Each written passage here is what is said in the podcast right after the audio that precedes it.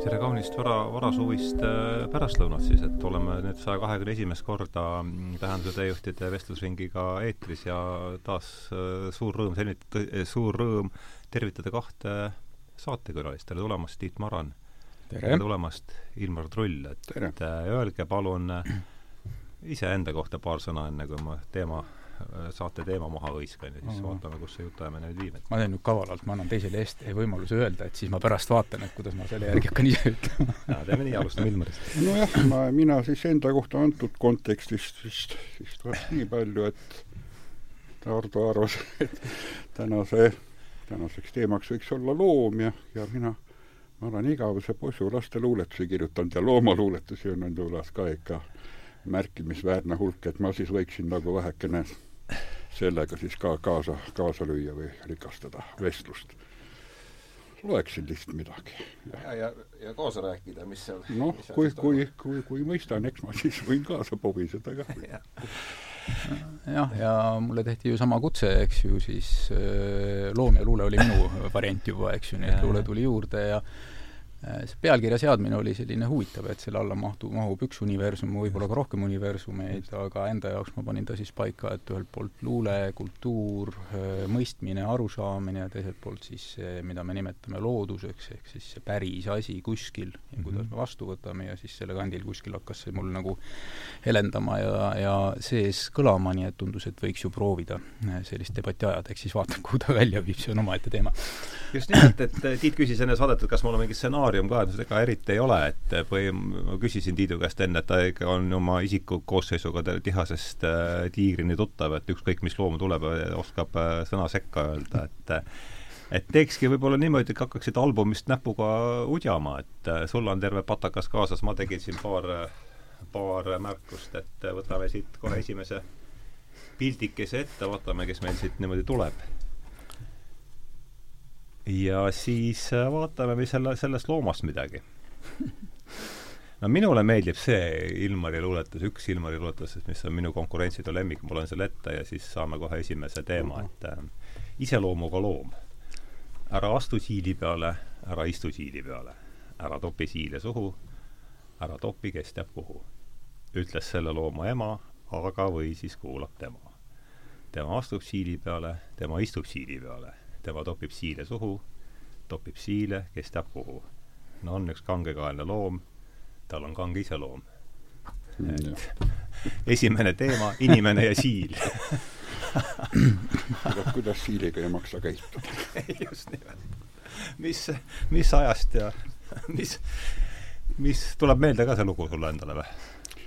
Ei noh, lugu on meeles küll, aga ega ta ei ole nüüd konkreetselt, see ei ole dokumentaalne teos see on ri riimidele ehitatud. ta ei ole läbi valu, valu tekkinud, eks ju, see looming, eks ju. ei ole elust võetud. aga kui me nüüd läheme selle, kui me nüüd läheme, mis kokkupuuteid siilidega on sul olnud oma lemmiksiil elus? et ei, ei ole, ei ole siili pidanud, aga noh, eks kohatu ma ikka looduses, aga eriti ma ei mõista küll, jah mu,, muud tarka öelda. siiludus meeldib vaadata. see oli päris lahe film. filmina on küll ilus, jah, vot, vot see võib-olla esimene asi, mis mulle plaksatab. võib-olla isegi nii, jah. aga loomulikult ma looduse neid loomaksin näinud, jah, aga ega ma mingeid sügavaid teadmisi mul ei ole. peale selle, et neil pidi hästi palju neid putukaid ja neid met-, metsasiilid pidid palju neid kahjureid okaste vahel olema nii, et, et ta elu ei ole meelakkumine, nii palju ma olen kuulnud sa ei saa vist ennast sügada, sügada ka hästi. aga võib-olla ma eksin.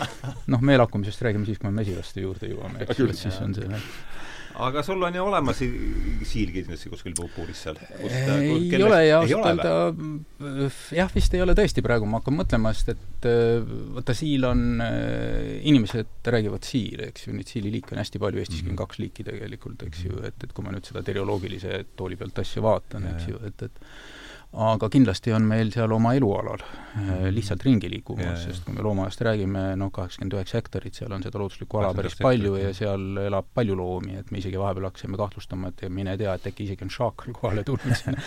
noh, ta on ju mitte kaugel olnud seal, eks ju, Tallinna külje all juba praegu. aga ma ise, kui seda Žili luuletust lugesin, esiteks ma hakkasin mõtlema, et millal ma esimest korda üldse nagu mingit et noh, mäletan kokkupuudet siiliga ja see on tegelikult päris palju aega tagasi, ma pakun välja, et see võis olla esimene klass, et vot kui isa tõi koju siili koos oma perega Aha. linnakorterisse. Ja, ja see nagu päris humoorikas pool on, et, et et nad olid hästi toredad, need loomad, nagu ta on iseseisev ja omapäine elukas, aga vaata, need tema väljaheited, need on sellise söövitava toimega, et, et sellest jäid põrandasse väga pikaks ajaks ja noh, ei saanudki, tuli uus põrand panna lõpuks, et, et ta plasti söövitas tohutult sisse. nii et selline omapärane nagu lapsepõlvemälestus on sellest jäänud.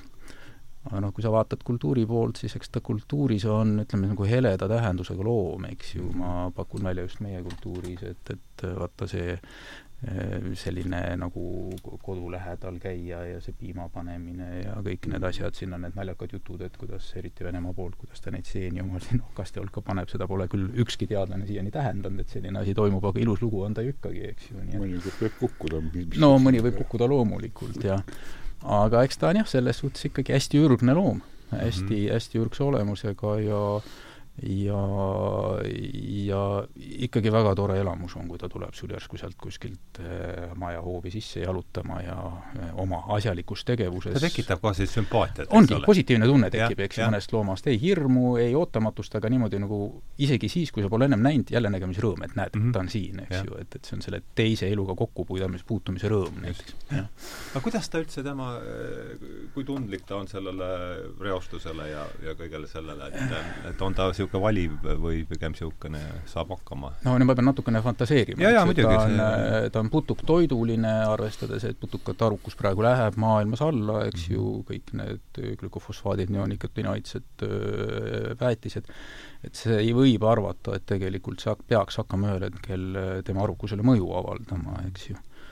ja ma ei oska nüüd öelda, kas mõned muud mürgid talle mõjutavad, aga kindlasti noh, kui me seal mingeid koduaias kasutame mingeid mürke, eks ta siis ühel hetkel peab taanduma, eks ju, kas siis päriselust või minema teise kohta, eks ju, et see nüüd sõltub, kuidas tal juhtub see asi.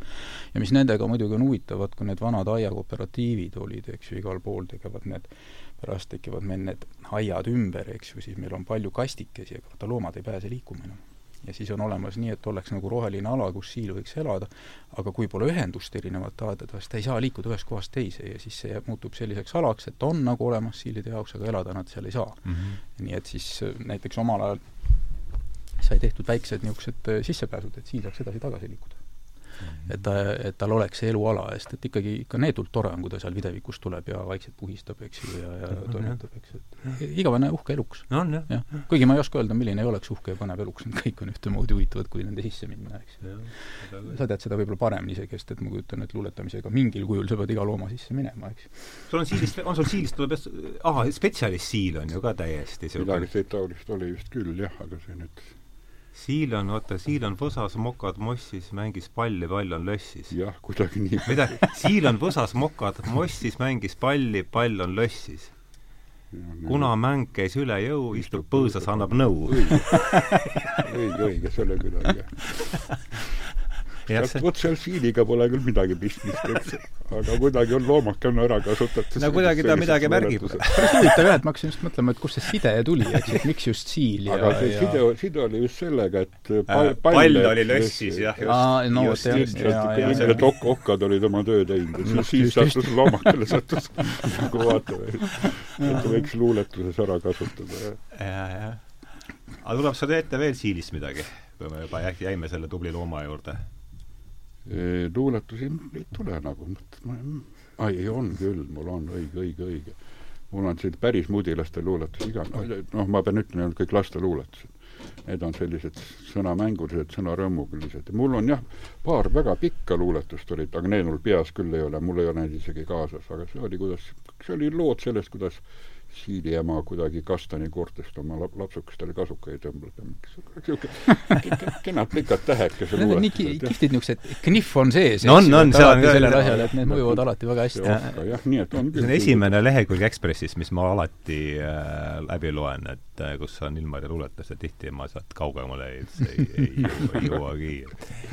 et see on äh, aga äh, jääme, kui jääme veel selle tubli, tubli looma juurde, et mis sugukonda ta meil üldse kuulub?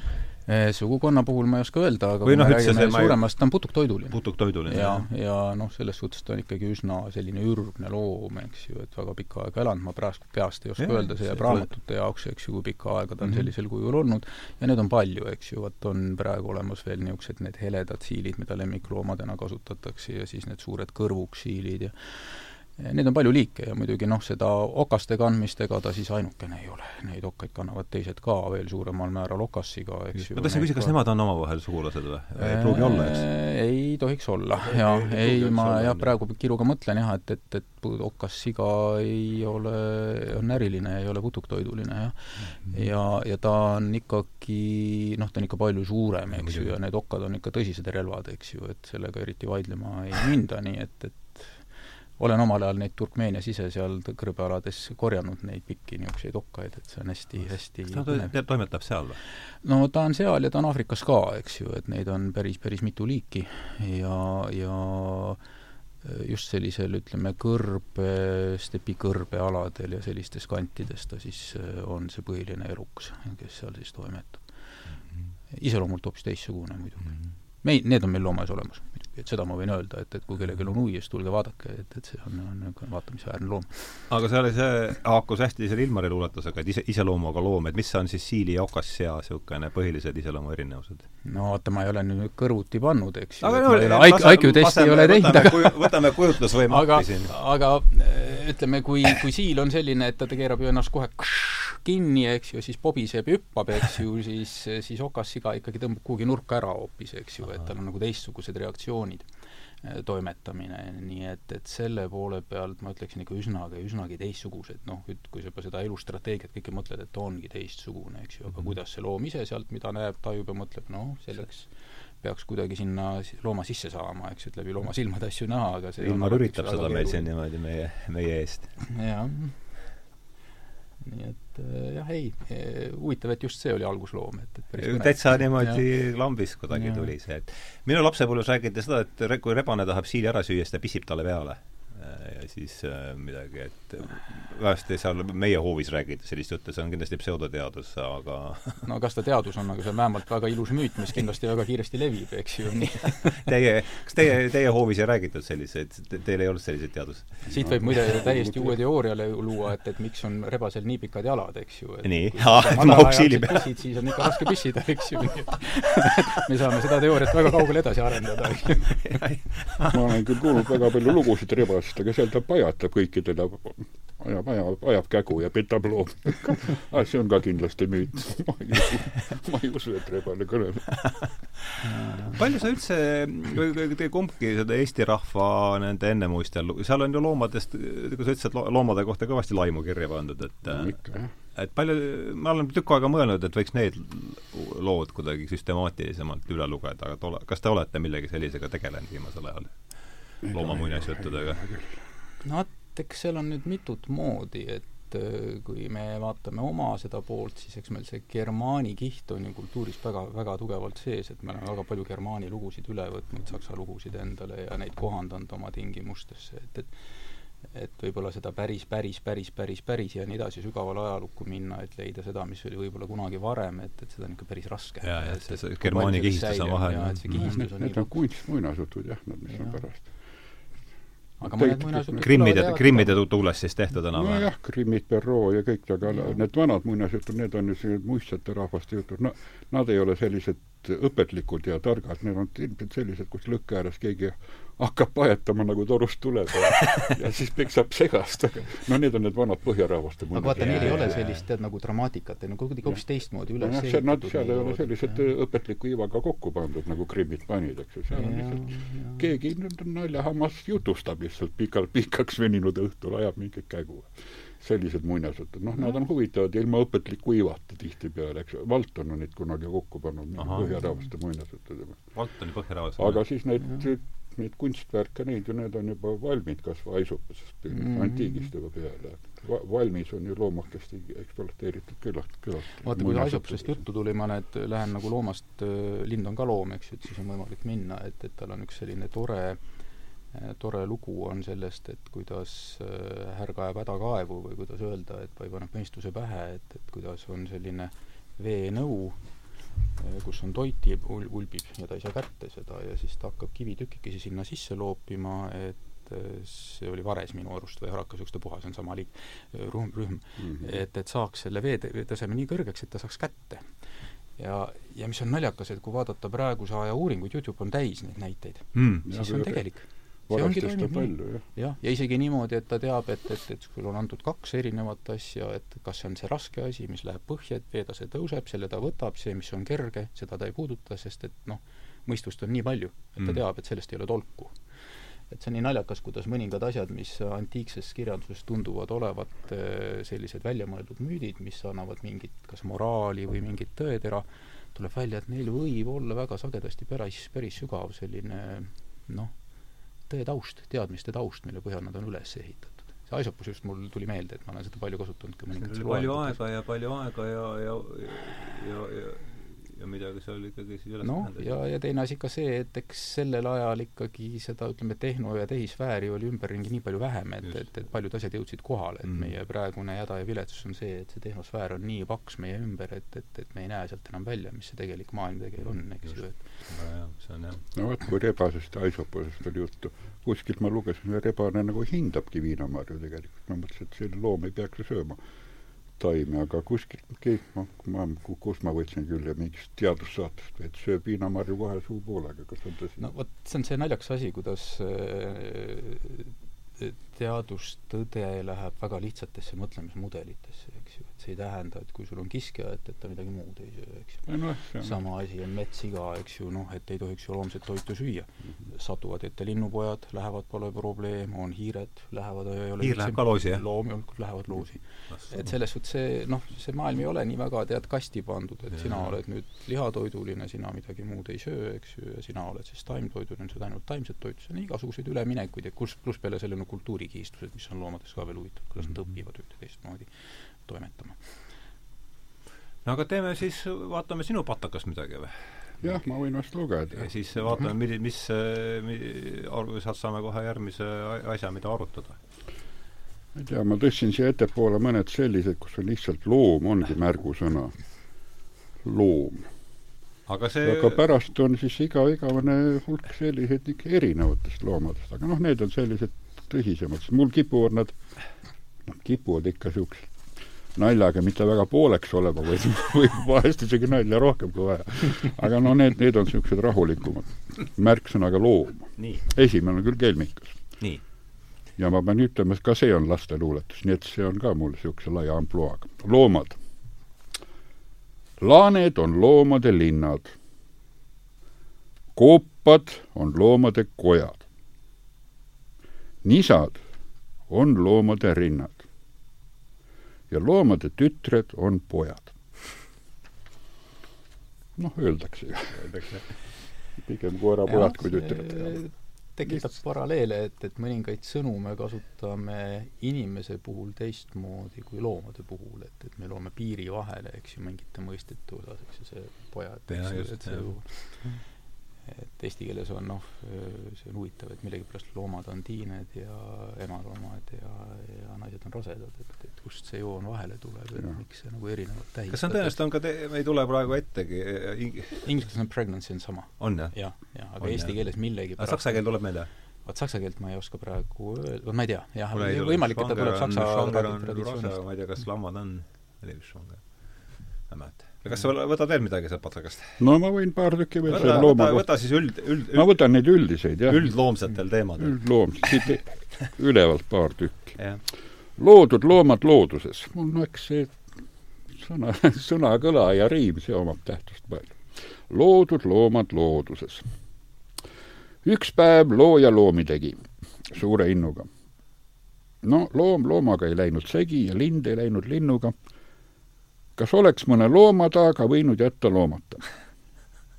on veidi veider hoomata, kui ilma mõne loomata võiks toime tulla loodus.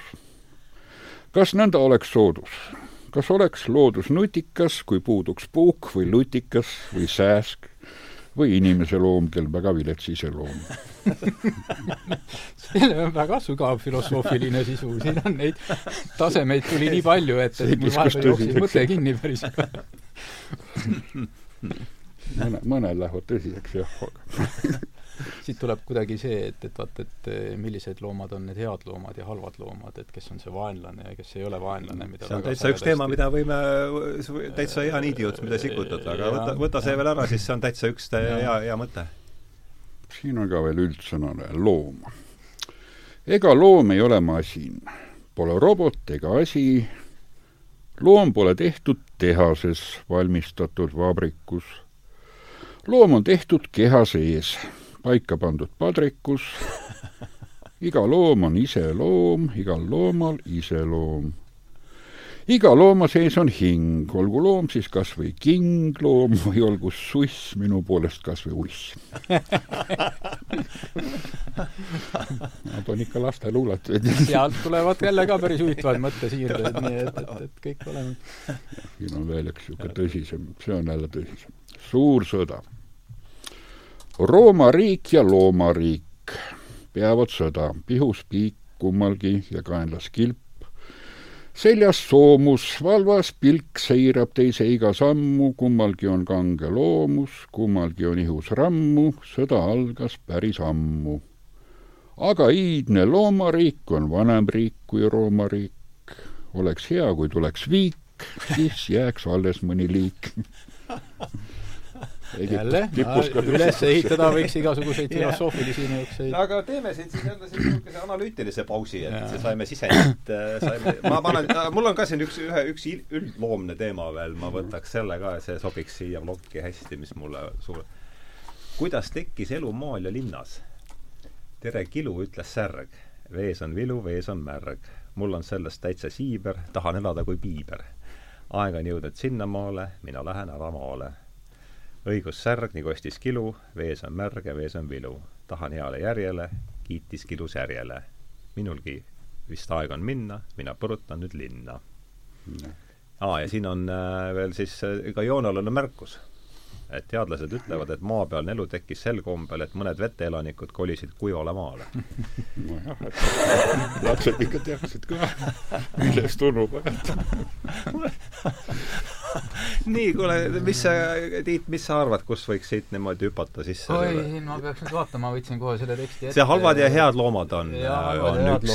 Lähme sealtkaudu praegu. Lähme sealtkaudu jah, et, et see on nagu huvitav asi, et mulle aeg-ajalt tundus, et see teema, et kes on vaenlane, kes ei ole vaenlane ja head ja halvad loomad, et et see on selline asi, mis on kuhugi noh, mineviku hõngu jäänud, et, et ütleme, Eesti kodanliku perioodi see, ütleme, mis esimene periood oli, eks ju, et sellel ajal oli, kui kirjandust lugeda, oli ikkagi, et halvad loomad ja head loomad ja on no, halvad loomad, neid tuli hävitada, kotkad olid kõik väga halvad. Mm.. Need tuli kõik maha lüüa ja kõik kiskjad olid väga halvad, eks ju, et selles suhtes on huvitav, et kui palju mõtlemine on muutunud sellel ajal ah, niisugune, niisugune partei peajoon oli selline? no nagu. sellel ajal oli jah, omal ajal oli nagu see, mis see partei, pealoom, aga see oli nagu niisugune üldine arusaamine no, maailmast. sellest me siis just, äh, ja. räägimegi. ja, ja see oli kinnistunud ja noh, loomulikult see ei olnud Eesti, aga see oli terve selle meie kultuurimaailma arusaamine mm., eks ju, sellisel kujul. ja noh, see ju pikka aega on ju kestnud, hilisematel aegadel tuleb Inglismaalt meelde, kuidas tapeti pisikiskjaid, riputati toika otsa, et teised kardaksid neid, eks ju, et et see jaotamine headeks ja halvadeks on kuskil hetkel tugevalt sisse tulnud. aga samal ajal on ta nagu väga veider, kuskilt tuleb sealt sisse selline noh, nagu looma eraldamine üksikuks eraldiseisvaks objektiks, et kui me ta paneme üksikuks objektiks, siis me võime öelda talle, et ta on hea, halb, aga sellest hetkest, kui me sooviksime näha tervikut, ütleme seda elutervikut mm -hmm. siin terves biosfääris või kaias mm -hmm. või kuidas seda iganes nimetada tahad, no siis need mõisted kaovad seose, ka-, mhm. kaotavad mm -hmm. oma tähtsuse ära, sääsel on ka mingi roll, võimalik, et me ei mõista seda lihtsalt mm, -hmm. me ei saa seda aru, aga tal on olemas. see on niisugune ökoloogiline lähenemine. just, see ökoloogiline pool, eks ju mm. -hmm. ja nii naljakas, kui see ka ei ole, et aeg-ajalt ma praegu ajakirjanduses vaatan, et täpselt samamoodi, et, et tul-, lipsavad sisse sellised asjad, et, et, et siis kas see on vaenlane või ei ole vaenlane, eks ju, või et kas ta on hea või halb loom, ju, et, et noh, nagu, nagu veider on, et, et tegelikult sellest eh, eelmise sajandi kahekümnendatest, kolmekümnendatest on ju päris palju aega mööda läinud, eh, mäletan Nõukogude aega, üks pikk osa minu elust on ju Nõukogude ajal läinud, eks ju, kus mis nagu, aastal me seal? ma olen viiskümmend üheksa sündinud. et, et, et, et selles osas noh, ma mäletan nõude ajal, kuidas nagu irvitati vanasti selle aja peale, aga nüüd hakkab kuidagi samasugune asi tagasi tulema, et meil on muidugi erinevaid kihistusi praegu mm. hästi palju. Et see hea ja halva, halva looma nagu toomine, nagu hinnangu andmine asjadest võib-olla, millest me täielikult aru ei saa, eks ju, et, et see on äh, väga riskantne et loomulikult paljud liigid tekitavad meile probleeme, see on iseenesestmõistetav, aga anda hinnangut, no ma ei tea, kas me oleme suutelised kogu seda asja, mis meie ümber on, nii hästi mõistma, et me suudaksime anda hinnangut, et see on võib-olla inimesest natukene kõrgemale tasemele tõusmine mm, -hmm. eks ju, et me tahaksime näidata välja, et, et kas me ikkagi oleme inimesed või me oleme seal kuskil nagu, arvame, et me oleme jumalad, eks ju, et sellel tasemel et, et selles suhtes äh, on see minu jaoks on alati natukene kurb märk, kui inimesed proovivad selliseid asju paika panna, et, et võiks rahulikumalt võtta, eks mm. ju, et, et äh, parem mitte silti külge panna.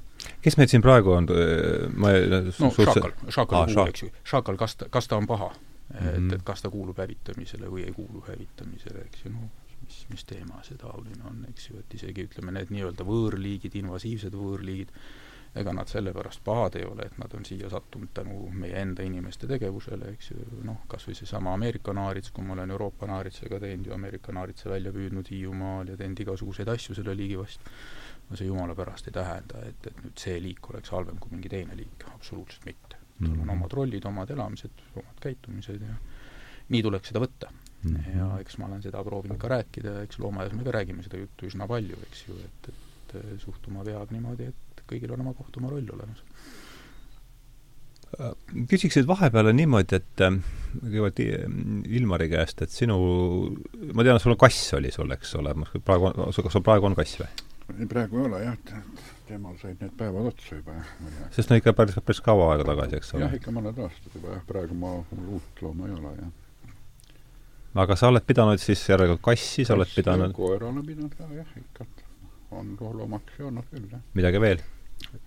ei no lapsepõlves jah, lapse, lapsepõlves oli mul kilpkonn. tõsi ka? jah, aga see oli ka laps ju ise, ma ei muretsenud, see mulle kingiti ja siis pärast noh, eks ta kuskil mina olin spordilaagris suvel ja siis tagasi tulles oli ta, kilpkonn oli vahetanud elukohta, sookauplusesse vist läinud. tema jättis ka tollal linoleum väga siukseid happelisi jälgi. mis jäid pikaks ajaks meenutama teda, eks oli küll, jah selline lugu oli küll, jah. mingi happeline tal on see veel ilmselt ta vist on happeline jah, seega noh, ütleme soolastikust tuleb ju happeline see, mis ja. Äh, nagu lagundab seda asja.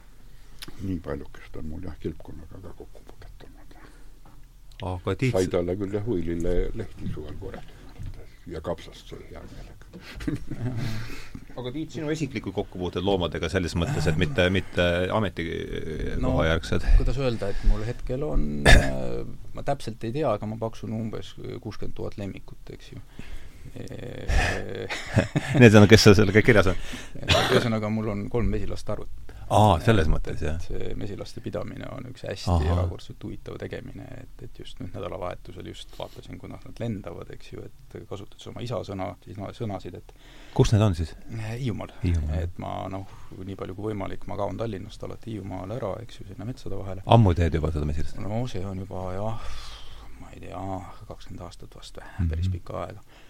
et et, et kuidagi tasakaalustada, ütleme, seda linnaelu siis mm -hmm. mingisuguse teistsuguse nägemisega.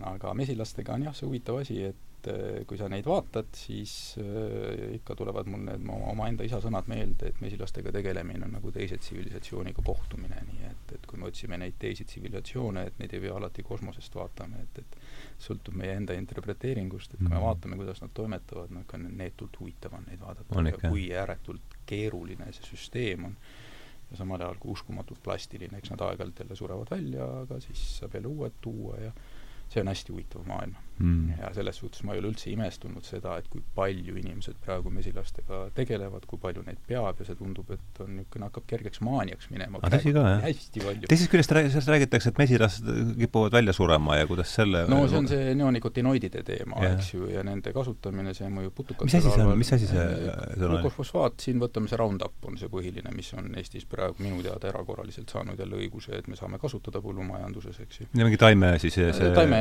taimemürk jah, jah, et väga spetsiifiline taimemürk ja see on juba seitsmekümnendatest aastatest, just praegu loen ühte huvitavat raamatut, on äh, ingliskeelsest tõlgitud pealkiri on Emapuu leidmine, on siis metsakoosluse nagu tervikust, et kuidas ta mm -hmm. toimetab ja seal on ka seitsmekümnendatel e-, aastatel emapuu leidmine, jah? jah, hästi huvitav. kelle autor? või kes autor? Äh, pärast ütlen sulle, praegu peast ei mäleta aga, aga jah, et ta toob just seda meie praegusesse metsapilti, et, et, et et jah, et mets on tervik. et ta väga tugevalt toob sisse ja see on praegu tänapäeval just hästi tuntud teadlased, seal on ka see teema just, et kuidas puud omavahel suhtlevad mm, -hmm. et kuidas nad toetavad üksteist. see ei ole nüüd selline, ütleme, tunnetuslik asi, aga seal on nagu tugevad uuringud taga.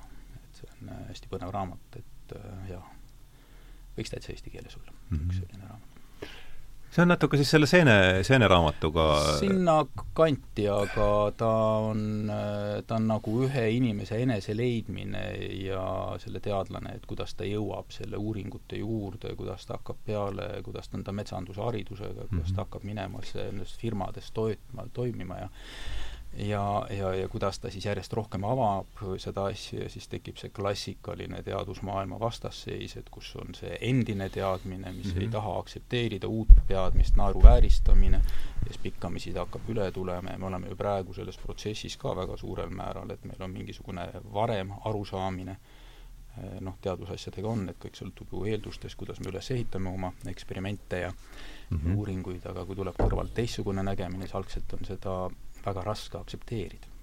ja see on just raamat sellest, et kuidas avastatakse uut mõistmist. aga nüüd me läksime loomadest natukene kaugemale, eks ju, taimede peale isegi veel enam metsade peale. jah, ma tegelikult mesilastest olen tahtnud lausa eraldi saadet ammu teha, just selle Matterlinki äh,, oli see mesilase elu või, või mesilaste elu või mis ta oli? kas sa oled, Ilmar, lugenud seda või? ei ole.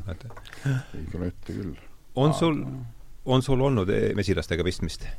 ei ole noh, mesiniku seisukohast küll ei ole. aga seal pata-, pat-, patak-, patakas on sul midagi nende sellest äh, kindlasti on, aga ma niimoodi ei leia, ma otsin liiga suure loomaaias on mesilased olemas.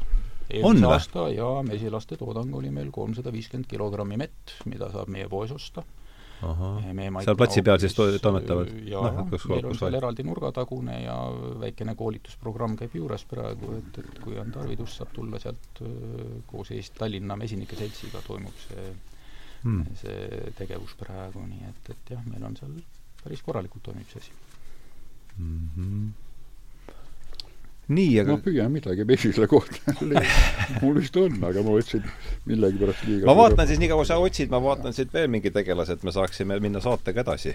leiaksime uue, uue kangelase. muidugi vaata see, mis, mis me enne, enne meelde tuletasime, seal on mesilane ka sees enne saadet mm. -hmm. ma selle võin peast lugeda. see loe peast, see. see triibulised? see oli triibuline lugu, jah. siis saaks jah. mulle, minu see teemaga, mis mind seekord era, eraliselt, er, eraldiselt huvitab, las sa see tulla see siis. see oli nii, et triibuline lugu tiigrid, mesilased, sebrad. Need on triibulised sõbrad. noh, ja nende peremees on loomulikult meremees kes on ka teadupärast triibuline. nii et seal oli me-, mesilane täitsa sees.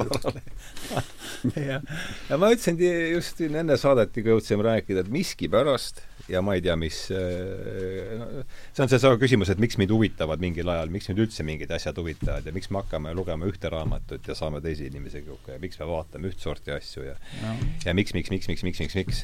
aga noh äh,, kuidas ma nende miksidega vastaks, tõsiasi on see, et mina olen viimasel ajal vaadanud Youtube'ist järjest äh, igasugu tiigri videosid. Need on väga huvitavad ja ma ei tea, miks see loom mind äh, noh, eks see läheb ka üle tõenäoliselt ja tuleb mingi muu asi, aga praegu on äh, dokumentaalfilmid tiigritest äh,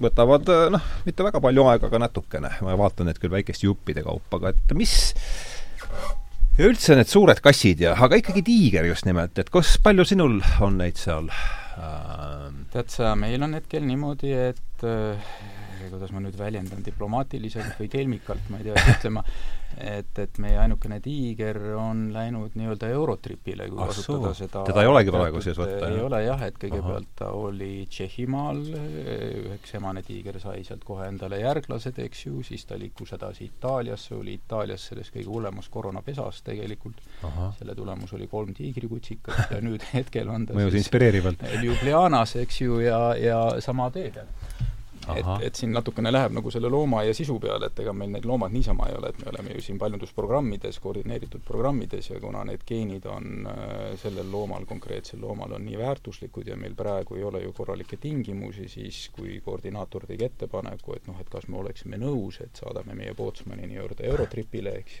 Pootsman on ta nimi või? Pootsman on nimi, jah Venemaalt pärit tegelikult, läbi Saksamaa meile tulnud kunagi. Ussuri jaama siis või? ikka, jaa, jah, Ussuri jaama või Amuri tiiger, nagu me mm -hmm. nimetame.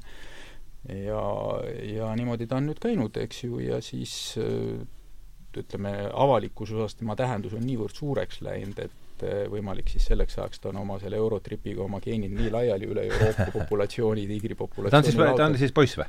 poiss, poiss, jah, jah. Muidu peaks Pootsman ja just ma mõtlesin, jah. ma ei teagi, kuidas ta peaks ütlema siis, eks ju. aga, aga jah, et, et me tahaks ta ikka kui vana siis?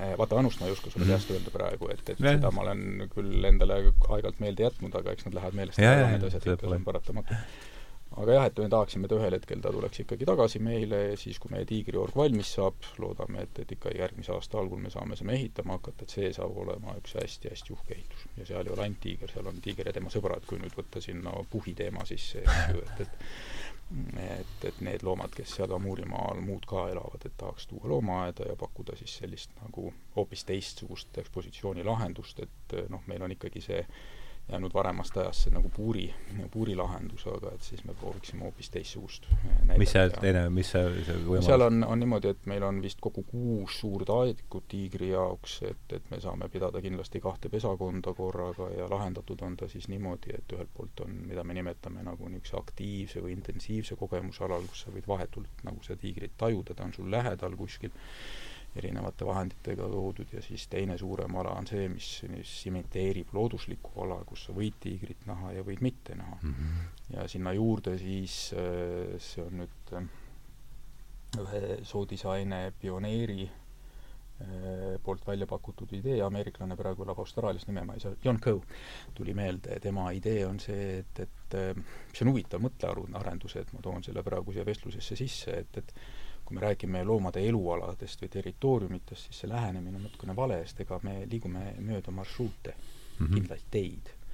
et kui sa mõtled enda liikumist, siis sa ju ei liigu Tallinnas suvaliselt nagu Browni liikumine ühest pungast teine, sul on teatud kindlad marsruudid, mida sa mm -hmm. liigud, see on väga pai-, täpselt paigas mm. -hmm.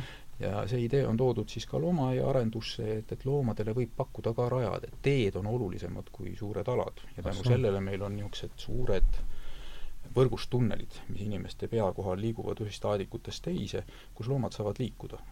Euroopas on seda väga vähe rakendatud, Ameerika Ühendriikides päris pea palju, pea kohal, see on kuskil noh, niimoodi, et hüpates käe lähedale ei pääse, aga ma ei mäleta, kas ta oli kolm pool või neli meetrit, kui kõrgel ta on mm. ja et siis ütleme, tiiger vaatab ülevalt inimestele peale ja ma nüüd kohe ennetan su küsimust, et kas ta ka peale pissib, siis seda on kohe küsitud, et, et siiani ei ole teada, et sellist asja on toimunud, eks ju, vähemalt Ameerikas mitte.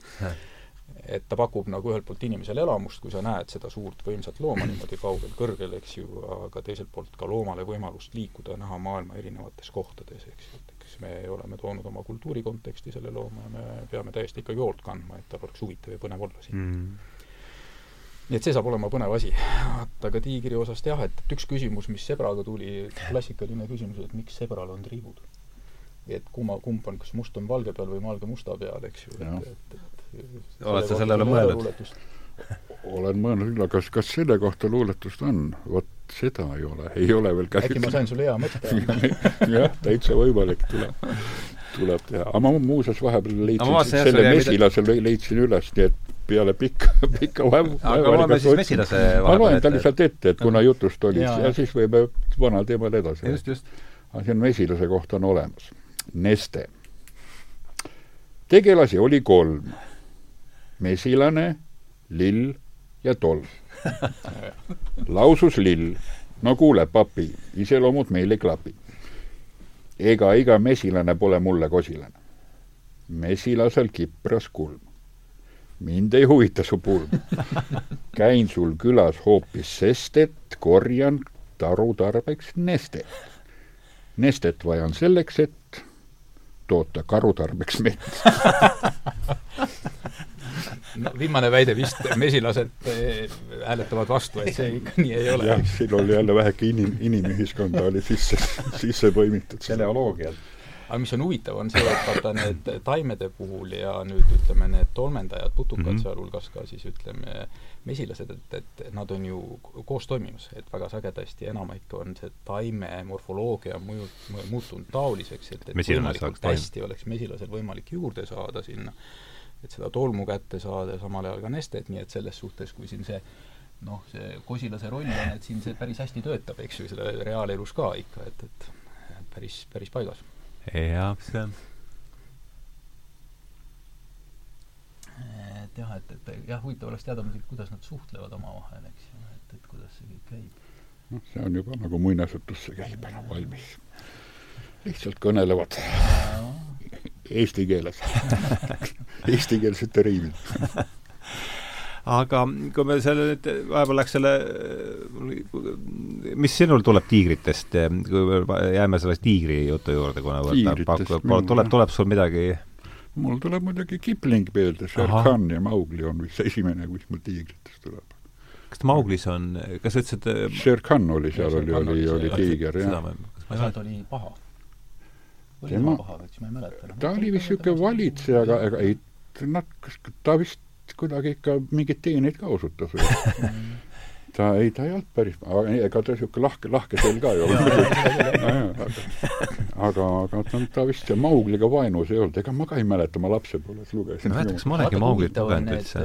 Need teosed annavad, loovad stereostüübi, kuidas Muidugi. me mõtleme, vaatame. minul tekkis kohe, eks ju, see karupoeg Puhtiiger, eks ju, see tüüp, selline kergelt ülbe ja ennast täis tegelane, eks ju, et, et kusjuures huvitav on see, et, et vaata need mänguasjad, et, et kui olulised on inimestele nende, need mänguasjad, mis on mingi loomakujulised, eriti tiigrikujuline, pehme asi.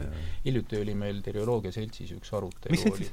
terioloogia seltsis, imetajate uurijate seltsis on, et noh, et mis ajast on tulnud pehmed loomamänguasjad.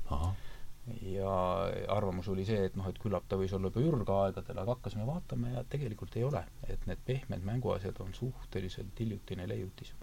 et kui ma nüüd õieti mäletan, kas ta oli kaheksateistkümnes sajand või millal nad tulid alles mm. -hmm. et ennem seda olid küll, aga nad olid noh, mingist kõvast materjalist, eks ju mm, -hmm.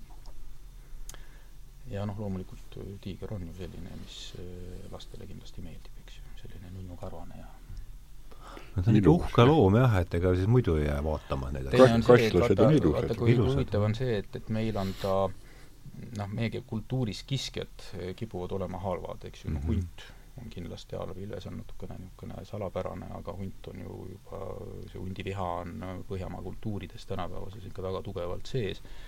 aga nüüd minna tiigri peale, ennem siin oli meil juttu, oli sellest Tersu Suula mm. -hmm. raamatust, eks ju, kus, kui ma nüüd õieti mäletan, Tersuula, Uusula oli, oli vist ainu oma, oma noh, rahvuse või, või päritolu osas, praegu ma võin nimega eksida selle suguvõsaga, aga et, et kui oluline oli see suur kiskja eh, nagu tegelasena. ja samamoodi ka näiteks eh, Indias karjakasvatajate osas kiskja, lõvi, tiiger, et ta, ta ei ole paha ta, temasse suhtutakse austusega, et, et kuskilt on vaat seda nagu niisugust hävitamise tahtmist, et see, vaat see, see, et ta on vaenlane, ta on paha, et, et seda nendes teistes kultuurides, eriti varemates põliskultuurides, ei ole olnud, et miks ta meil, meie kultuuri kontekstis nii tugevalt sees on, vot see on niisugune hea küsimus, et selle selle üle võib pikalt juurelda, eks ju, ja välja pakkuda seletusi, meile meeldivad seletused mm., seletused ei tähenda, et see asi nii on.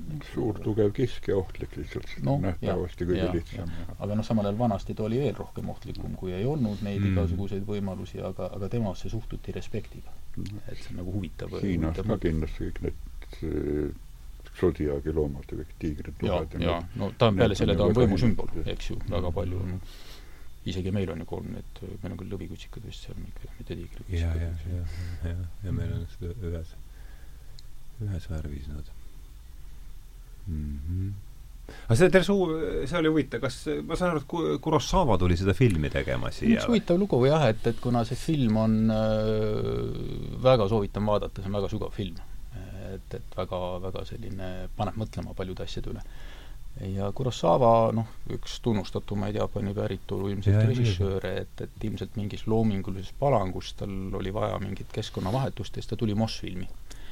ja kas see oli siis seitsmekümnendatel aastatel mm, -hmm. kui ma nüüd õieti mäletan, ja siis ootamatult tegi selle filmi. ja, ja tõi kuidagi selle nagu põlis, sisuliselt on see teema sellest, kuidas Vene, Vene maamõõtja läheb sisse põliskultuuri maailma nägemisse ja mm. arusaamisesse ja hakkab seda hindama. ja, ja, ja aru saama sellest, eks ju. ja see on, ta on tegelikult dokumentaalne jutustus mm. -hmm. Arsenjevi enda päevik on ka eraldi ilmunud, eesti keeles ka muuseas, aga no seal on pikemalt lahti kirjutatud ja muuseas see on väga huvitav raamat. ta on kohutavalt ilusas vene keeles, et, et ma olen teda nagu kuulanud ka audioraamatuna, eks ju ja see on üks nauditav venekeelne tekst, sest et ta on nii ilusas keeles kirjutatud, et ta on nauditav mm.. et, et sellesse kultuuri selles suhtes või vene keele nagu kõla ilu nagu tunda, et, et siis seda tasuks täiesti kuulata mm.. oled sa näinud seda filmi? kuule, olen, mul meenub, aga kunagi ammu ja mul, mul, mul ei ole palju meeles. telekas kunagi jooksis jah, ma mäletan mingit episoodi, kui nad sattusid kuidagi tormi kätte ja mm. mingist põhust kähku tegid mingi niisuguse katte ja lõkke või mingi sellise asja. jah, ta teeb see noaga lõikasid endale seda pilliroogu hästi palju, palju ja äkki tuli kiiresti seda väikest jah, roogu korjata raskes olukorras. see mul on meeles jah, see episood, aga ma ei mäleta seda filmi. tegelikult jah kunagi ammu sai nähtud küll mm. -hmm. ta on oluline lugu tegelikult, niisugune märgiliselt tähtis mm, -hmm. tähtis film. praegusel ajal tundub väga just see põliskultuuri ja, ja modernismi ja, põrge ja, ja, kõik see tundub olevat, või postmodernismi või mis ta meil siin on parajasti. aga mul ammu tegelikult äh, ah õige. mul kunagi Price'is töötasin, siis oli mõte kutsuda äh, kutsuda loomaaia raamatupidaja rääkima. kas tema ütles kiiresti, et tema arvestab ainult, äh, tema arvestab ainult äh, toitu ja sellised asjad, loomade kogu see asi, et see käib sellisel, nagu me, sa andsid ju siin ka niimoodi mm. mõista, et see on nagu, käib sellisel hoopis teistel alustel, et räägi palun sellest, kuidas vaata, see on äh, jah, me oleme loomadest, võib-olla loomade pidamise vormi juurde loomadest ja, natukene eemale, et, et, et kui me vaatame loomaaia lugu, siis eks tal on ju see ajalugu on, on olnud üsna, üsna morn ega siin ei ole midagi öelda ja et, et sealt kuskilt pärineb ka see negatiivne märk loomaaia küljes, mis on nagu üks valus taak, mille vastu me toimetame praegu mm, -hmm. et mhm. seda muuta. noh, tuues need kõige mornimad leheküljed on praktiliselt kõigemates suuremates nendes Euroopa linnade, pealinnade loomaaed, et see olid ju kunagi ka inimloomaaed, millest eriti ei räägita Negritod Filipiinidelt, eks ju, Sannid Kongost, kus siis pakuti välja, eks ju, Hagenbeckid, suured loomaaiaisad, tõid nii-öelda sellele valgele rassile siis need vaatamiseks välja. ja neid fotod on väga huvitav internetist otsida, et vaadata seda, et kuidas see omal ajal toimus Äh, aga seda ei tasu muidugi selles suhtes praeguse ajaeetika järgi nagu hakata hindama, sest aeg oli teine. mõtlemised ja arusaamised olid teine, et see on alati väga ohtlik neid nagu eetilisi tõekspidamisi viia teistesse aegadesse.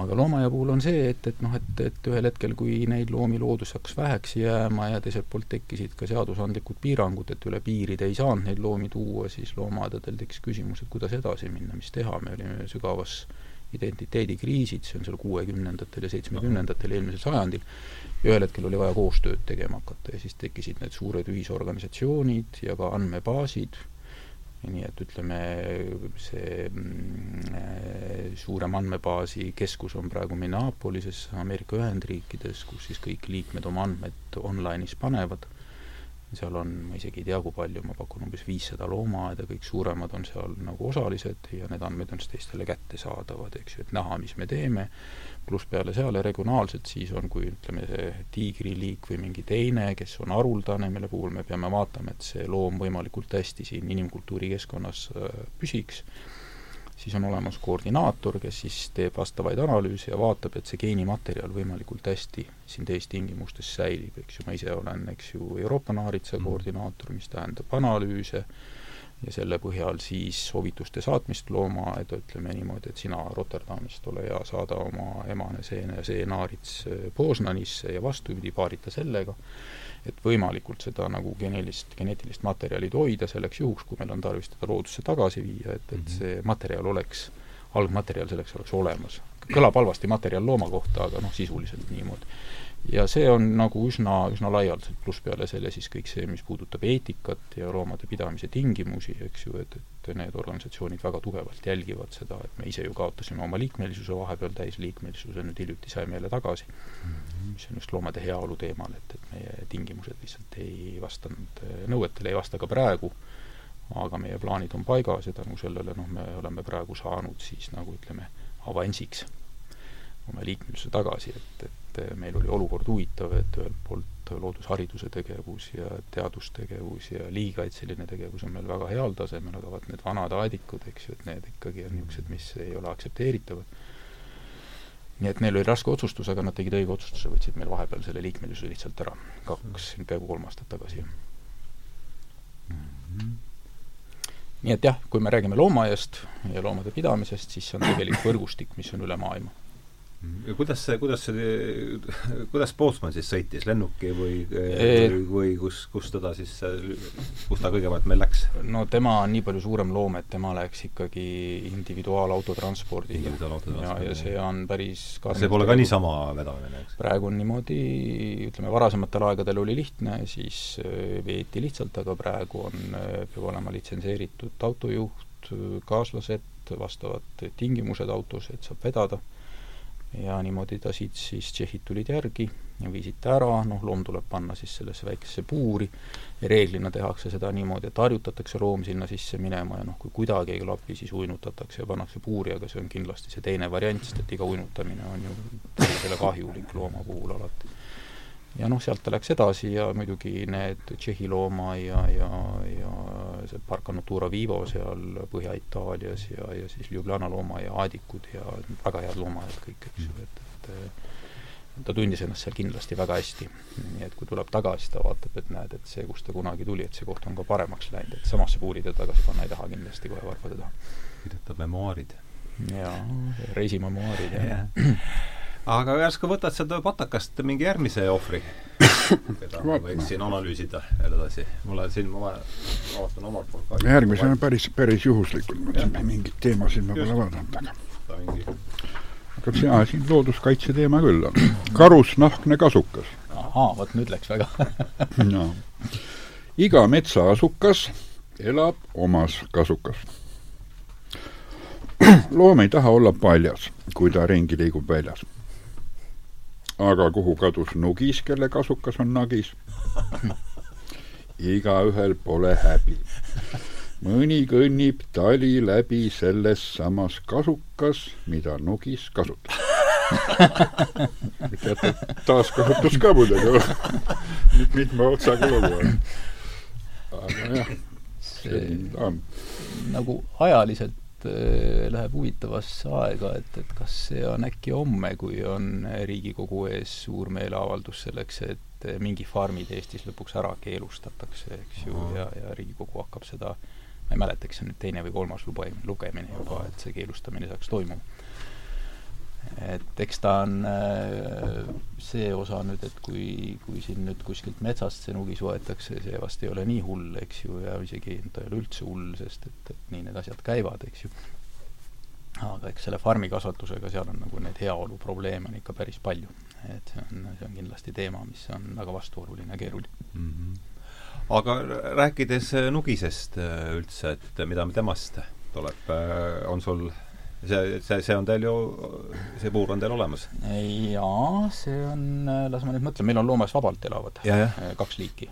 Eestis on kaks liiki, on kivinugis on olemas ja on metsnugis, kivinugis on suhteliselt hiljutine Eestisse tuleja tegelikult, kui ma õieti mäletan, siis üheksakümnendate aastate esimeses pooles mm -hmm. esimene dokumenteeritud tõestus, et ta on Eestisse jõudnud. kivinugis, jah? kivinugis, jah, muidu ta on seal ütleme, Euroopa aladel ja lõuna pool on nagu rohkem olnud kogu aeg aga nugisega on nagu see huvitav asi, et, et temal on inimestega kokkupuutepinnad ja väga huvitavad kokkupuutepinnad ja seda nagu tajub hästi, noh praegu vähem, et, et lihtsalt minuni need kõned ei jõua enam, aga varasematel aegadel oli niimoodi, et kevadel järsku tulid kõned loomaaeda, et tere, et selline lugu, et me tulime oma suvilasse ja keegi elab seal katuse all, kobistab seal, eks ju, ja käib kohe öösel ei saa magada. et mis me teeme? ja vot siis ongi tavaliselt niimoodi, et et eh, omal ajal ma ütlesin, et noh, et ega teil ei ole rohkem kui kaks võimalust. et kas tappa või armuda. nüüd ise valige, kumma te võtate. ja see on huvitav, peaks öelda, et enamikel juhtudel inimesed valisid armumise. et, et on olnud üksikuid juhtumeid, kus ei, mitte mingil juhul, mõningad on pärast tagasi helistanud, et jah, et noh, nüüd on tegelikult päris halb ikka, et tal on seal pojad ja, ja noh, et tal on häda on see, et ta teeb oma selle kemmerkoguga ühte kohta ja et siis tuleb see hais ka sinna alla, eks ju, lõpuks yeah. läbi selle katuse. ja on paljud olnud et jah, et ta haiseb küll, aga ikkagi õudselt tore on, kui ta seal üleval elab, eks ju, et, et see väga sagedasti on selle esimese suhtumise paikapanemine, eks ju, et see on uus asi, et kas me nüüd peame kurjad olema või head olema ja huvitav on see, et, et ikkagi see nagu teise eluvormi positiivselt suhtumine on kuskil väga sügavas meie kuskil seal alakudedes on kirjas, eks ju, et, et kui talle see algkool otse lahti lükata, et siis ta läheb tööle. aga, aga et jah, et tuleb selle anda, selle nagu teistsugune nägemine. et sa ei pea alati nägema kurja ja halba, aga, aga nägema seda positiivset poolt ja, ja see on üks huvitav asi, et noh, et ühelt poolt nagu oli see need kurjad ja pahad loomad, aga, aga väga sagedasti inimestel on see, et noh, et, et, et, et et no mis ma nüüd teen, eks ju, et, et noh, ma ei taha talle halba teha, et, et kuidas me saaksime ümber. aga see on alati üks aeg, kevadel tulevad need kõned, aga nüüd paneme ennast nugise seisukohta.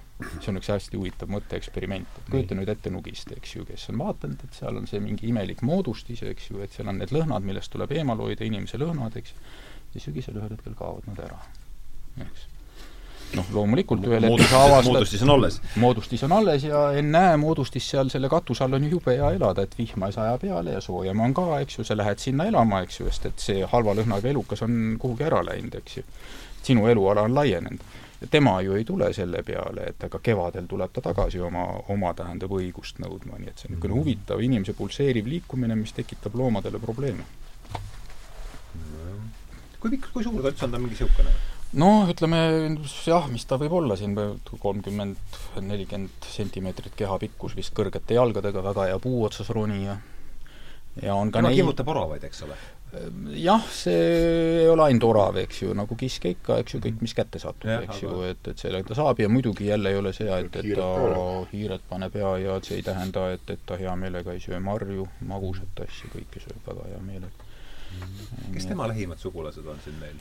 noh, kui võtame kaks nugist, siis sealt eh, meie maalt siis on siis kärplaste perekond, tulevad kärbid, nirgid, eh, naaritsad, kõik niisugused loomad, kõik need pisikiskjad, ühesõnaga need, kes elavad meie kõrval ja kellest me tavaliselt midagi ei tea, sest et nende tundejärgud on niivõrd palju teravamad, et, et nad teavad palju ennem seda, et, et me oleme olemas ja lasevad jalga, eks ju, et selles suhtes inimene on üks huvitav loom, et üldiselt temaga välditakse kokkupuutumist seal, kus inimene on, aga näiteks neid huvitavaid juhtumeid ka ma mäletan, üks Vene film oli Kamtšatkal, kus läksid võtmegrupid, kus inimesi ei olnud, rebased ei kartnud inimest. Neil ei olnud seda kogemust, negatiivset mm -hmm. kogemust, eks. absoluutselt, miks, miks peab kartma, eks ju mm. -hmm. või siis äh, Peterburi siin omal ajal, äh, kes hüljestega koos, eks ju, vees ujunud, hülged ei osanud inimest karta, kui ta oli akvalangis, eks ju, ringi, et, et elasite kõrval, tulid uuristama, et mis elukas see taoline on ja neid on palju, just need kohad, kus inimest ei ole olnud, kus ei ole kuskil ma arvan, et see on selle noh, looma nagu kultuurikihti nagu paika pandud, et, et, et sellest kahejalgsest elukast tuleb eemal hoida, et, et sealt ei ole midagi head oota. Nagu jah, jah, et kuskil kultuuris on ta kirjas, eks ju. et, et siis, kui see ära kaob, eks ju, et, et siis tekib teistsugune suhtumine lihtsalt vahele küsimus, ütleme sel-, eks meil kõigil on meeldejäävad kohtumisi vabas äh, looduses olnud mm -hmm. loomadega, mida me ei oota, et Ilmar, tuleb sul midagi ette sellist metsas? niisugune kõige eksootilisemaid, eksootilisemaid laadi tegelasi, kes on sattunud rännakutel ette? ei, ma ikka karu ei ole näinud, aga noh, ikka need tavalised põtral on ikka kohanud tavalisi loomakesi, metskitsi ja hunti? vist, vot ma ei ole kindel, keegi kunagi kuskil maastikus vilkastas, ega vist ei ole ka niimoodi, jah Pole viimasel ajal palju metsas käinud ka, vana, vanasti sai käidud jah. no ikka põdrad, kitsed, metssead, neid on, neid on, neid on nähtud. aga kiskjatega ei ole jah olnudki. ma ei, ma ei ole nii palju tuhtinud küll metsas ka. jah. aga sul, Tiit? no vaata, ilmul on see, et, et ringi tuusaledes äh, noh, kuna enamiku aega ma viibin, viidan, viidan seal saare peal, eks ju, vaba hetk, siis ma tooksin võib-olla esile äh, Hilvesest, Ilvest on väheks jäänud. aga, aga, aga vanasti oli ikkagi see, et Ilves jälgis mind ja mina teda ei näinud, ma pärast nägin talvel neid kohti, kus ta mind vaatamas käis, eks ju, ja noh, rajakaam-, jäljed maas ja noh, rajakaameras ka oli näha, eks ju. oligi aga ja, ja ei, see noh, seal elamise ümber ikka need hundiilves jäledelt tavaliselt tähendab maja lähedal. kus kandis see on? see on noh, ütleme siis lääne pool Hiiumaa otsas edasi on ainult suured metsad seal mm -hmm. ja, ja ka paraku tänapäeval suured raiesmikud, peab ütlema sinna juurde ka mm. -hmm. et äh, aga võib-olla kõige huvitavamad kohtumised on hundiga et, et ma ise väga hea hundi ulguja ei ole, aga noh, mul on neid häid sõpru ja kui sa lähed siis sellel tuulevaiksel ööl, eks ju, noh, miinuskraadid või siis seal nulli lähedal, kus on kuiv ja, ja siis hulgamine tehakse ja siis nad vastavad, eks ju. ja vastavadki? jaa, vastavad. et see on hästi huvitav elamus, et, et see kuskil jõuab sinna kuhugi, kuhugi, sinna kuhugi peaaegu seljaaju tasemele, see tunnetus sisse, eks, et hästi pull, pull elamus on ja teine, mis on huvitav, on see, et, et noh, meil on olnud selline juhus, kus me ulume, eks ju, ja siis me, üks auto jääb seisma, teisega sõidame ringi, tuleme tagasi ja kui on kutsikad, need tulevad uurima.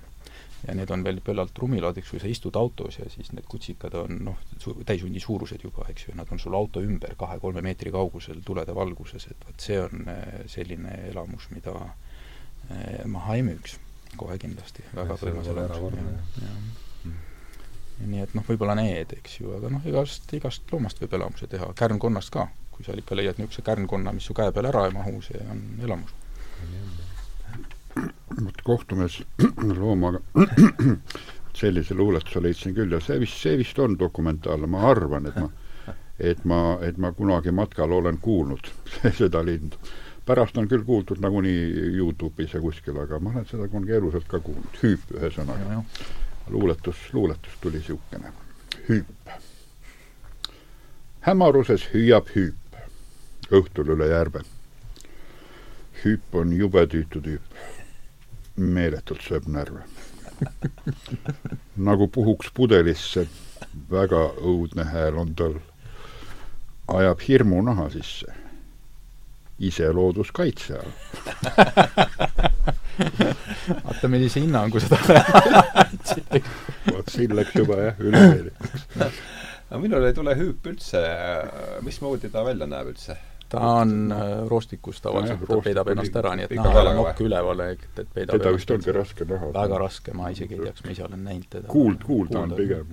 kas ta on olemas teil äh, seal aias ka? no ei, ei, ei kindlasti mitte, tema pidamine on ikkagi üsna, üsna keeruline ja noh, loodusest ei taha tuua, eks ju, ütleme loomade puhul on ka see, et, et meil võib-olla loodusest pärit loomi on kuskil viis protsenti ainult, ülejäänud on kõik ikkagi teistingimustes sündinud -hmm. aga hüübi juurde tulles, et, et see on, kuidas võtta, et, et kui sa ikkagi kevadel seda hüübi häält kuuled, siis on noh, lõpuks ta jõudis kohale, et, et see hääl on ka, vaata, see on nagu pudelisse puhud umbes taoline heli. ei tule ette, ma olen ikka nii kaugeks. vaata, kui sa pudelisse puhud, vaata, siis tuleb niisugune heli, eks ju. väheke niisugune jah, hirmus veider hääl, jah. ta on jah, niimoodi, et uh, milline hääl on olemas mm. -hmm. aga äh, ei, tore, et niisugused asjad olemas on. vot siin on kohtumises loomaga ka veel. nii, ära tulla Lähen putukate riiki, eks mm. vend Sääsk. Sääsk mu käel jõi pungi end. nüüd on Sääsk mu verevend. ütlen talle, tere vend ainult vend, nüüd hoia end. inimeste ilm on kole siin, siin sul venna armu pole ja sääski ei pea pidama, need tulevad ise teil sinna? jah, minu arust on ta aruks alla läinud aja jooksul. et lihtsalt ma mäletan neid aegu ikkagi, kus hingata ei saanud, eks ju, nii palju oli sääski loomaaias? ei, mitte loomaaias no., loomaaias ei ole, aga ütleme metsas lihtsalt, eks ju. aga jah, eks tal on oma roll on olemas ja mis on nagu sääse puhul on huvitavam, et, et kui küsitakse, et, et kes on kõige ohtlikum loom inimesele mm, -hmm. siis on see sääsk. Malaaria. malaaria, jah, just, just, just et kõik need suured kiskjad ja, ja, ja kroksid seal kuskil, kes inimeste jalgu võtavad, eks ju, kui juhtub õnnetus, et see on tühine võrreldes sellega, mida sääsed on, on teinud, et see on tõsine, on tea-, malaaria on Eestis ka muuseas, et seda tavaliselt mm. ei teata seesama teema, et putukate arvukuse vähenemine, see on mulle ka jõudnud mm. siin nüüd, et kas sellest on midagi lähemat kuulda? Noh, sellest on palju kirjutatud, see hakkas peale, kas ta nüüd oli aasta või kaks tagasi, kus Saksamaal järsku vaadati kaitsealadel, kus olid pikad aegread, eks ju, et kahekümne aasta jooksul putukate arvukus on seitsekümmend viis protsenti vähenenud. seitsekümmend viis protsenti. siis on, on olemas selline uurimismeetod, on, et noh, et kui sa autoga sõidad kiiresti, eks ju, et kui palju sul sinna auto klaasi peale, eks ju, jääb neid surnud putukaid, noh meil ikka jääb Saksamaal sa võid sõita viissada kilomeetrit, nii et klaas on puhas, sul ei ole mitte midagi. ja noh, ütleme, kui me nüüd teeme siin võrdluseks tiigri, eks ju, et ta on see tippliik, eks ju, et, et kes kasutab kõiki teisi, aga putukad on neid, keda peab olema palju, et teised saaksid püsida. ja see on nagu hästi-hästi, hästi hirmutav asi, et, et sellised nagu baasi loovad, kogu sellele elule baasi loovad väga harukad liigid, et nende arukus hakkab vähenema selle on ridamisi tulnud uuringuid, et, et see on nagu äh, mitte ainult Euroopast, on ka Ameerika Ühendriikidest, Indiast mul tuleb meelde, et neid on väga paljudelt igalt poolt tulnud. Eestis ei ole pikki häid niisuguseid aegridasid, et just seda biomassi hinnata, et liikide koosseisu küll, aga biomassi paraku mitte. ja eks sellest putukatest ju toituvad paljud asjad, samad on konnadega, samad on nende pisiimetajatega, mügri, igavene neetud vesirott, kes sööb meie juurikaid, eks ju Inglismaal on ta kaitse all, taastatakse, viiakse tagasi loodusesse, et, et proovisin mõnele aiapidajale rääkida, et kuskil vesirotti viiakse tagasi loodusesse. aga, aga noh, vot sellised asjad on olemas täiesti, jah. käis enne niisugune lause käis läbi, et, et lood-, loomaajas ka tagasi loodusesse, et palju seda juhtub? No seega see ka lihtne ei ole vist. no see on see, mida no ütleme, meie oleme teinud Hiiumaal selle naaritsa tagasiviimisele ja naaritsas Hiiumaale populatsiooni loomisega ja mis ilmselt nagu rahvusvaheliselt on ka Tallinna Loomaaale suurel määral looduskaitses nime teinud, et me oleme millegi taolisega hakkama saanud, eks ju.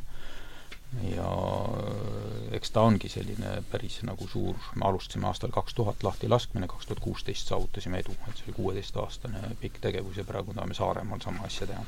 aga kuidas siis üldse kui ta juba on vangistuses elanud, saab ta siis üldse hakkama või kuidas see no vot, see ongi see trikk, eks ju, et Just. ma mäletan, et me püüdsime Saaremaal mingid välja sealt omal ajal ja siis oli tunne, et suur töö on tehtud et nüüd me võtame need noh, lollid, nagu me olime, eks ju, mitte et nüüd praegu oma tarkust väga kõrgelt hinnaks, aga võrreldes sellega no, muidugi teab palju rohkem, eks ju.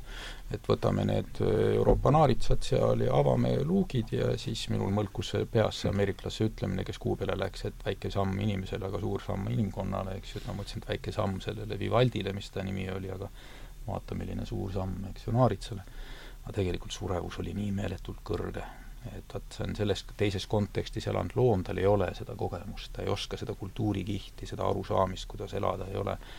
eks kuusteist aastat võttis aega seda nagu paikapanemist, kuidas teha ja katsetamist ja proovimist, aga ühel hetkel sai paika.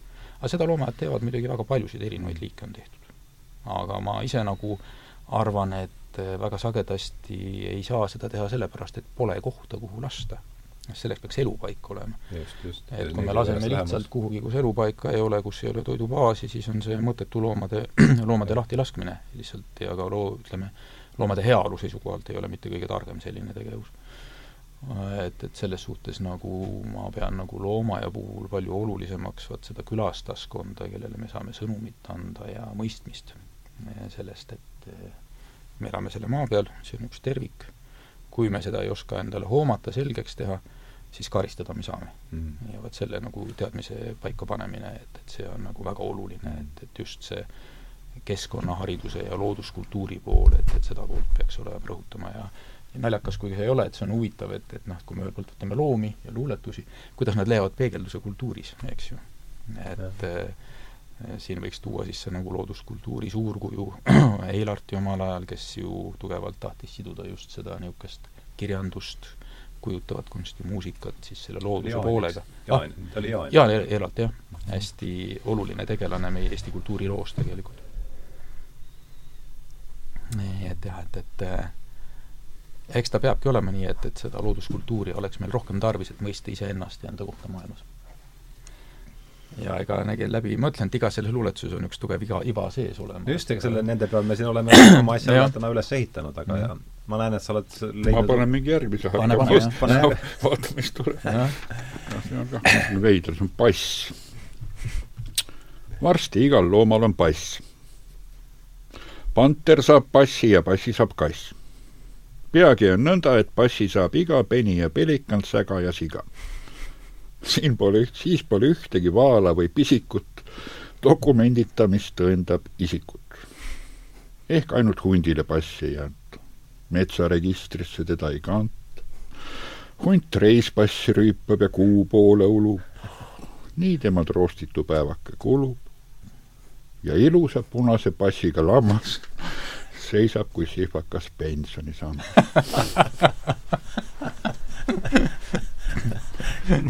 tuli sihuke lihtsalt väga hea luuletus, suurepärane. vahepeal luuletus lihtsalt kisub selliselt no Pootsmanil peab oma pass olema, muidu ta saaks üle piiri. tal on ID-kood olemas. ID-kood, jah? ID-kood on olemas, eks mm -hmm. ju, pikk number, ma isegi ei mäleta, kuueteistkohaline, kui palju on hästi pikk.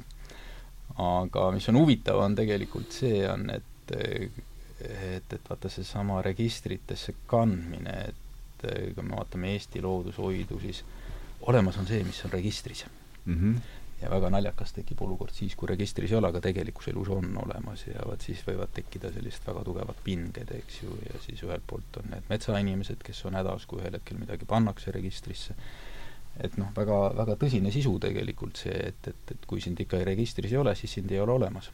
et see on ka loodushoiu ja, ja oluliste objektide nägemise teema, et meil on ju kõik ikkagi läbi selle seaduse ja korra tehtud ja ega ta alati tegelikult ei peegelda seda, mis on tegelikkust äh, väga adekvaatselt, et see võib olla hoopis teistsugune, mis meil seal kuskil päris looduses, päris keskkonnas on. mulle tegelikult see looduse mõiste iseenesest ei meeldi, sest et see tekitab inimese ja teiste asjade vahel mingi selge joone, aga tegelikult see on kõik üks, eks mm. -hmm. nii et jah, aga numbrid on olemas, jah.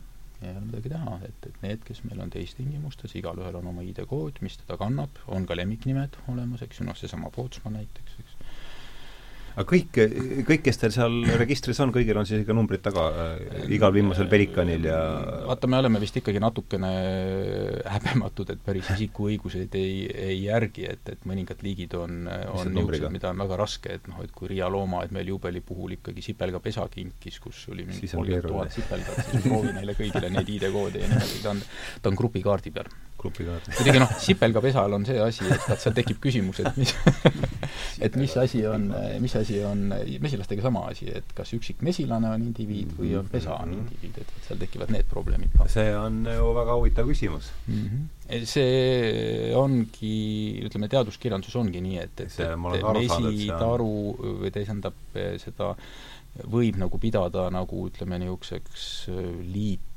isendiks või millekski taoliseks, et üksinda ta ju ei eksisteeri, eks, et ta ei saa eksisteerida, tervikuna eksisteerib. noh, sama on termiidid, eks ju, ja, ja sipelgad ka siis sinna juurde mm. -hmm. putukate maailm, noh, kui me läheme siit oma sarnastest eemale, on ikka ääretult müstiline ja mitmekesine ja me ei hakka ilmselt kaugemale minema sinna, kus on seened ja igasugused muud asjad, sest et see tundub täiesti ulmeline olevat. aga see on see, mis seob kõik kokku üheks tervikuks nojah, võib ju teha argu-, esi-, panna ka argumenti, mis ei ole väga kaugelt võetud, mets, mis on siis metsa ja sipelgapesa vahel, nii on muidugi, aga jah, ta on nagu nii mitmetasemeline, eks ju, ja kõik on põimitud. just, just see põimituse aspekt.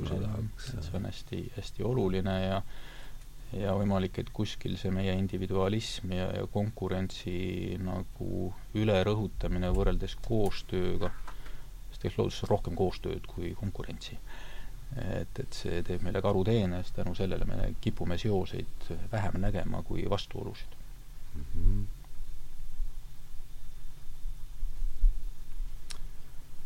võtad äkki järgmise või? no, võib vaadata, jah. koer ja post. koer ja post, nojah, see on ju konkreetselt koerast. meil on maal üks kirju koer kirju kirjukoer ei saa. lehti kirjukoer ei telli. postiljonil ta ei salli. ei tee postiljonil musi, ei tee postiljonil kalli. aga postist peab ta lugu, nagu kõik see koerte sugu. varavalgel Koidu säras ronib välja oma kuudist, võimleb, peseb hambad ära ja siis kohe ummis jalu tulist valu postimanu nuusutama, mis on uudist kusagil oli siin ka pilt, sest ma vist ei leia seda. see on vist esimene luuletus selles raamatus, jah. koer ja post, jah, kus meil on, kus meil on olbu, või olbu. see kaamera on meil siin ja siin on selle kohta ka siuke see on, need pildid on su ka su enda ju joonistatud, eks ole? on kõik, jah. aa, see on huvitav. see on, see ei ole jah see on sellepärast, et nad on kõik ju kunagi lehe, lehe, lehes ilmunud ja mm. lehes ilmunud ja siis alati ei ole, ei ole ju mõistlik oodata kunstniku härral selja taha, millal luuletus valmis saab. aga kuna ma olen väheke karikatuuri teinud, siis ma olen need pildid ise teinud sinna juurde. sa töötasid ju pikalt Pikris, eks ole? kunagi olin jah, Pikris, jah.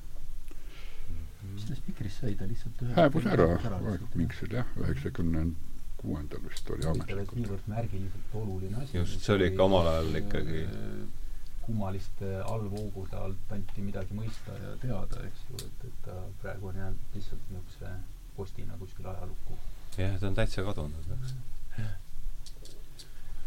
aga võtame siis laiema teema koerlased siia vahepeale ka, et uh, huntidest oli meil juttu, hunte on teil seal kindlasti vaata ei ole. ei ole või? ei ole, hunt on ainult Elistveres ja, ja võrreldes kassidega oi, nüüd on katse. jah, võrreldes kassidega on, on huntidel see häda, et nad on sotsiaalsed. mis tähendab, et tema pidamine tehistingimustes äh, on päris keeruline ja see eeldab päris korralikke aedikuid ja aedikusüsteeme, et äh, me lihtsalt äh, ei ole plaaninud seda praegu, ütleme, lähemas järgus, ühel hetkel on plaan küll kõik suured suurkiskjad, Eesti kiskjad tuua kohale, sest see on oluline need inimestele näidata ja lahti rääkida. Mm, -hmm. aga teda on keeruline pidada, sest et niikaua, kui on, ütleme, sotsiaalne grupp koos, on kõik okei okay,, aga kui seal tekib mingisugune vastasseis ja sul ei ole võimalik teda korralikult eristada seal ja eraldada ära, no siis on verd palju. Et see on nagu tõsine jah, et, et siin see võimuvõitlus läheb, võimuvõitlus on suur, eks ju, ja ja, ja see läheb karmiks, sest eks need tingimused ju ikkagi tehistingimustes on teistsugused ja kuidas nüüd meie oma käitumisega suudame kompenseerida seda, mis on puudu selles tehistingimustes, see on omaette küsimus, et noh, alati ütleme siin kui nüüd seda sotsialiseerumise peale minna, et, et paljusid asju saab tegeleda, seda peab teadma, mida teha ja see on väga sügav teadmine selle ühe liigi kohta, et seda korralikult teha, kui me seda täpselt ei tea, siis peab olema ettevaatlik, et sa kaotad selle täielikult, selle barjääri inimese ja ütleme siis antud juhul hundi vahel ära. Eh, mida on siin ka, eks ju, Kiirsoo, eks ju, Laura on seda nagu propageerinud, mis iseenesest oleks hästi põnev aga see eeldab, et meil oleks väga üks konkreetne inimene, kes tegeleks ainult huntidega ja noh, seda nagu loomaaia puhul sellisel kujul ei ole võimalik lihtsalt mitte kuidagi teha, et, et siis meil peaks olema igal loomal oma inimene, eks ju, et, et noh, kui ütleme, meil on nelisada liiki ja seal kakskümmend tuhat looma umbes, noh, see kogus oleks nagu päris märkimisväärne, ei, neli tuhat looma.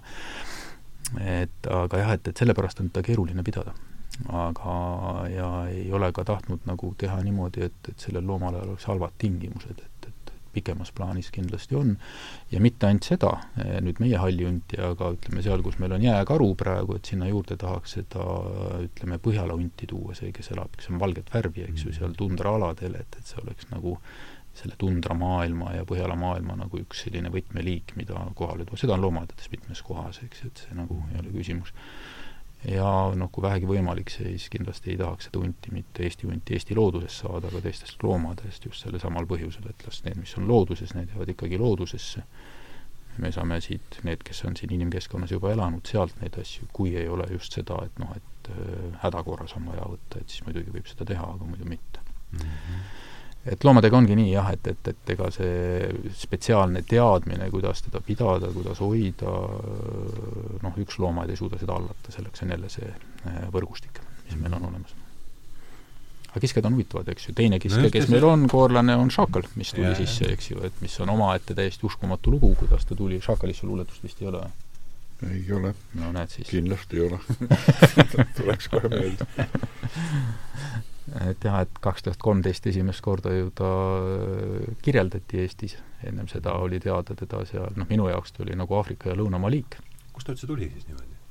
jah, vot see on hea küsimus, eks ju, et, et ilmselt ta tuli kuskil eelmise sajandi kuuekümnendatel aastatel, jõudis Ukrainasse ja siis kaks tuhat kolmteist ilmselt ta tuligi, ta on nagu ütleme, nagu ta vooluveekogu äärte loomake Aha. või loom ja ilmselt ta siis läks üles mööda Dnestrit ja siis seal on üks koht, mis jõgi nüüd on, mis Riia juurde välja läheb, ma ei saa praegu nime öelda, sedamööda tuli edasi, Taugava jah ja., eks ju, ja sealt edasi üles, kuni siis jõudis meie läänerannikuni ja siis üles meie alale aga noh, ei olnud kaua aega nüüd tagasi, kui ta juba Norra välja jõudnud, nii et, et see liik, mis on olnud hästi lõunapoolse levikuga, on nüüd otsapidi tundraalal väljas. aga miks ta mööda jõgesid läheb, mis tal on see? See on elupaik tal lihtsalt, et ta on roostiku ja sellise kaldaveelise elupaigaga ja eks ta seal Läänemaal muidugi nendele lammaste talledele kipub liiga natukene tegema ja noh, kas ta, eks ta on tulnud sellepärast, et me oleme maastikke muutunud ja kliima on soojemaks läinud, nagu kõik see kompleks. praktiliselt iga aasta tulevad mõningad liigid lõunast juurde meile Eestisse, nii et see on nagu pidev protsess praegu. aga jah, me peame ta vastu võtma, sest ta tuli ise. et meil ei ole siin mõtet teha, kolmkümmend vist umbes šakalit kütitakse aastas praegu, nii et meil on neid päris palju tema on siis meil kusagil suuruselt rebase ja hundi vahel? ta on rebase hundi vahepeal ja nagu siin äh, uuringuid ei ole, aga arvamust on avaldatud, et sinna, kuhu ta on läinud, et seal nagu kährikute ja rebaste arvukus on alla läinud, et nagu see selline hirm, mis on olnud, et mis ta nüüd nendele maas pesitsevate lindudega teeb, siis tundub, et võimalik, et ta mõjub hoopis positiivselt, eks ju, et et ta võtab seda rebase ja, ja kähriku arvukust alla ja tänu sellele võib-olla nendel maal pisitsevatel lindudel on parem, sama oli Donau deltas ka, kui ma käisin, siis nad ütlesid, et nende arvates seal nagu äh, kähriku ja, ja rebasaruks läks alla pärast seda, kui ta sisse tuli. nii et maailm muutub kogu aeg, eks ju, et vastavalt sellele, kuidas muutuvad tingimused, ega see loodus ei ole niisugune staatiline, et täpselt nii, nagu piiblis kirjas, nii ta ongi, eks ju, et, et ta on nagu, kõik on muutumises, eks ju, pidevalt aga sa oled vaadanud seal jälle mingi uue lehe välja? vahepeal ma nägin, oli loomaaed on lahti, oli sul jaa, ma vaatasin, et see, see on vist üks luuletus vastab tõele kus mul on loomaaed, on jah, nagu pealkirjas sees. ma loen selle ette. loomaaed on lahti, see on päris vana luuletus tegelikult, see on veel üheksakümnendast. see on mullusest, mullusest aastatuhandest. loomaaed on ikka lahti, ta vist iga päev on lahti Lähen jälle loomaaeda, seal saab mitut looma kaeda. kõigepealt ma vaatan hüljest. hüljest vaatan pealtpoolt küljest, siis ma vaatan ahvi eestpoolt, tema vahib vastu seestpoolt. ahvi on küll tore vahti, olen loomaaias lahti. jäängi kauaks vahtima. Lähen koju, hea on tuju, hakkan ahvi ahvima aga räägime külastajate numbritest ka siis, kui on juba siin selle kandi peal. et et kuidas see nüüd on, kuidas on siin need viimase murranguline aasta seda mõjutanud? jah, ta on, kohe tulen selle teema juurde, aga lihtsalt mul tekkis side loomaaed ja, ja lasteluule mm. -hmm. no see on veel põnevam. eile vist võttis ühendust äh, ma ei mäleta, mis ta nimi on, keegi luuletajatest ütles, et kas nad võivad tulla loomaaeda puuridesse lasteluuletusi lugema. puuridesse? jah miks mitte, see oli ju nii tore, eks ju, et, et, et siis ongi selline, vist järgmine nädalavahetus või millal nad tahtsid tulla. et, et kes tahab, mingu vaadaku, äkki, äkki pääseb lähedale, eks ju, et siis nad elavad seal, nagu nad elavad ja loovad lasteluuletusi. väga tore niisugune huvitav mõte tegelikult. ja üldiselt mulle hullumeelsed ideed meeldivad. valesse puuri ei lähe? ei, ei no selles me peame ja, jah, muidu luuletus on lühikene, eks seda küll, aga, aga no, mõnegi sõber on aina-, kas, kas selliseid juhtumeid juhtub palju, kus topitakse midagi sinna puuri, mida, mida ei pea ole vaja tingimata toppida? no tui-tui-tui, praegu ei ole selliseid hulle asju olnud, ennem oli juttu, et noh, ma olen kaheksakümne kolmandast aastast loomaaias olnud ja selle aja jooksul ma olen näinud kolm kätt, mis on ära rebitud. kolm kätt? jah. kaks olid loomaaiatöötajad ja üks oli üks äh, üks natukene napsune noh, meesterahvas, kes tahtis oma tütarlapsele nädala, näidata, kui vinge tegelane on ja läks karule küpsist andma. karu sai valesti aru natukene asjast, eks ju, ja lõppes halvasti. et ja kõikidel kordadel on ikkagi olnud see inimlik viga, kus eksitakse mingite reeglite vastu, et noh, midagi ei ole teha, need loomad näevad nunnud välja, eks ju, tiiger näeb ka nunnu välja no,, aga ta on kiskja. seda ei tohi kunagi ära unustada, et, et ta on kiskja ja kunagi sa ei tea, milline lülitus tal seal toimub ja miks ta käitub nii ja mitte teistmoodi, nii et, et see on alati nagu selline vastuoluline asi. aga külastajate arvuga on see, et, et meil siin mõni aeg tagasi, pärast seda, kui see jääkaru valmis sai, siis meil läks ikka kõvasti üle neljasaja tuhande. aga praegu nüüd eelmine aasta oli kolmsada, kas ta oli seitsekümmend viis tuhat vist, eks et on ta kõvasti alla läinud mm. -hmm. et ühelt poolt on see, et, et, et, et et äh, uudsus jääkaru osas kadus ära, eks ju, ja, ja teine asi on ka see, et ega me ju siin sellel viiruse ajal mingit reklaami endale palju teha ei saanud, aga lisaks on ka see selline paratamatus, et me peame natukene oma kollektsiooni vähendama tänu sellele, et kui me tahame nendest vanadest lobudikest lahti saada, me ei saa neid maha lammutada, kui meil on seal loomad sees.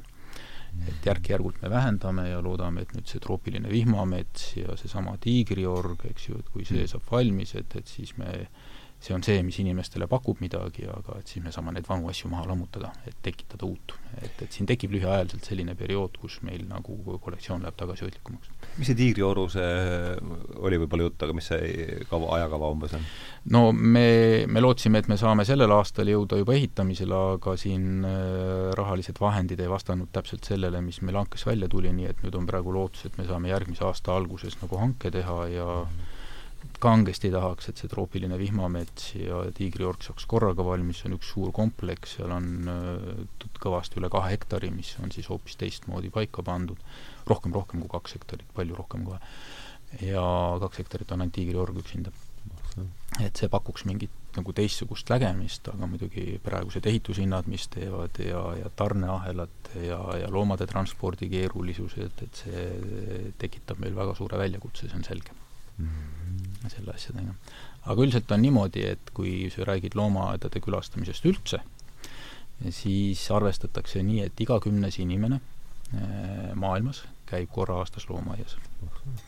ja see annab sulle siis, mis on siis, mis ta tuleb seal siis, seitsesada miljonit vist käib ja see on enamikus selles haritud või noh, mitte haritud on halb sõna, ütleme siis nii-öelda selles progressiivses pooles või hari-, haritud pooles või majanduslikult edukas pooles, eks ju, selle, kelle otsustest maailmas palju sõltub, ja kuna meil on juurdepääs nii paljudele inimestele, siis see põhimõtteline roll muuta, eriti lapsed, mingeid väärtushinnanguid, mingitest asjadest arusaamist, see potentsiaal on tohutu mm. -hmm. tõsi on see, et ega me ei oska seda veel hästi rakendada, et, et see on veel teema, mida tuleb arendada, sest et üks asi on see, et inimesed tulevad sinu juurde ja sa saad neile seletada, aga kuidas sa sõnumi kohale viid, kuidas sa seletad asju, vot see on kõik see, mida tuleb veel arendada.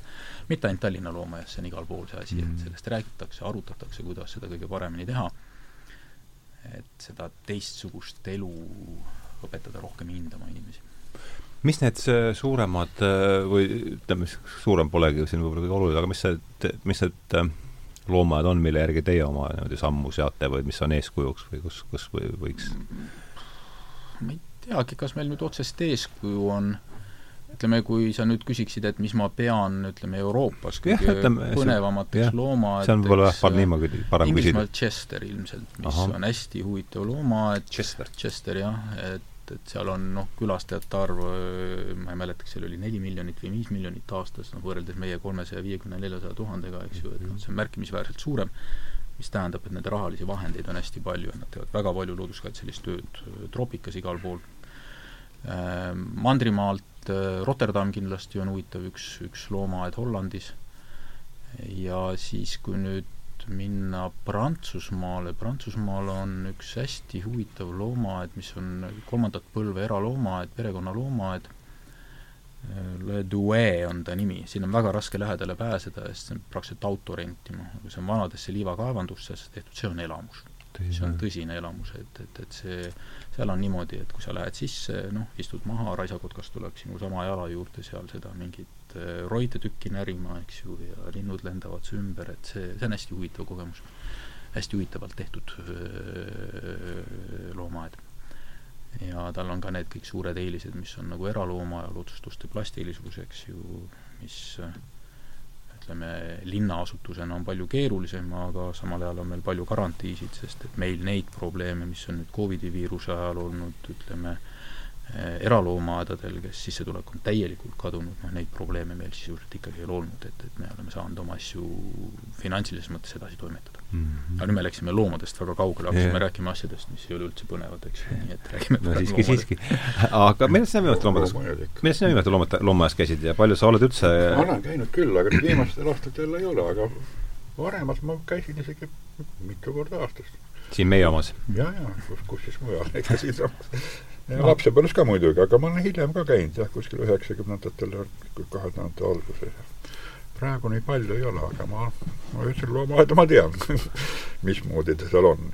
aga jah, värsked muljed küll puuduvad mm. jah. peab, peab üle vaatama no nüüd saba kergitamise mõttes, et me oleme teinud nüüd kaks aastat järgimööda niisugust avalikku küsitlust, et kuidas suhtutakse loomaaeda, et üldiselt üle kaheksakümne protsendi tugevalt on neid, kes suhtuvad väga positiivselt loomaaedadesse, eks ju ja umbes üks protsent on need, kes on see negatiivne, see antisuu pool, et, et noh, võrreldes Inglismaaga või ütleme, mõningate teiste maadega see protsent on ikka ääretult värik, et meil on palju asju lihtsam teha minu lapsepõlves oli veel see Lasnamäe alune loomaaed. just nimelt, jah, ma just tahtsin küsida, millal sealt ära koliti?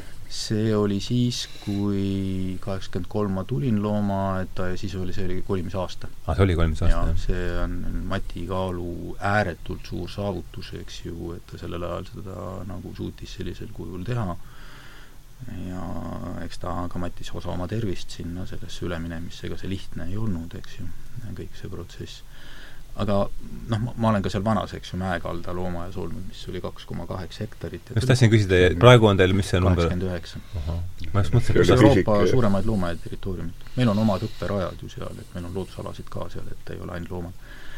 aga, aga see vana loomaaed oli selles suhtes tore, et, et ta oli nii väike, et kõik tundsid kõiki, eks ju, noh praegu on üle kahesaja töötaja, me ei suuda, kõiki ei suuda teada, eks ju, neid on nii palju aga siis oli väike loomaaed, väike territoorium, kõik oli nagu üks pere, et, et seal oli vaatamata sellele kitsikusele ja loomade pidamise tingimuste tagasihoidlikkusele, oli seal ka mõningad nagu väga positiivsed asjad mm. -hmm. nii et, et sealt see ülesaamine on tulnud ja kui loomaaia ajalugu vaadata, siis seal on kaks suurkuju olnud, üks oli Karoli Stern, kes selle nagu päris loomaaia pärast teist maailmasõda hakkas looma, kes siis pärast andis selle teatekepi edasi, eks ju, Mati Kaalule ja noh, Mati Kaalu tähendus loomaaianduses Eestis, aga tegelikult ka looduskultuuris üldiselt on ikka märkimisväärselt suur, et seda ei lubaks kellelgi alahinnata mm. -hmm. ma pole palju väljas käinud, Berliini loomad oli ka päris niisugune uhke äh, Berliinis on kaks loomaaeda.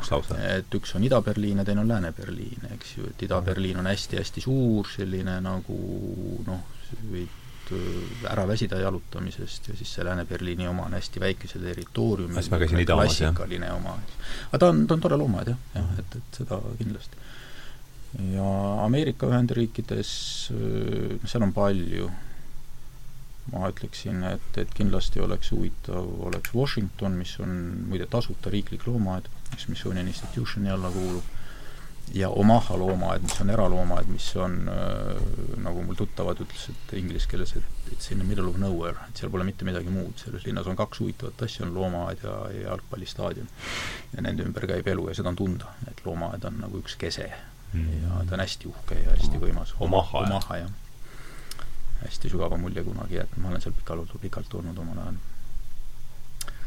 Mm. et jah, aga noh, loomaaedu on maailmas ikka ääretult palju, eks ju, et juba paljalt selles Euroopa Liidu või Euroopa Assotsiatsioonis on meil üle neljasaja loomaaia, et ja aga samal ajal, kui väikseid loomaaedu juurde võtta, Saksamaal üksinda on juba üle kolmesaja, nii et, et neid on hästi palju.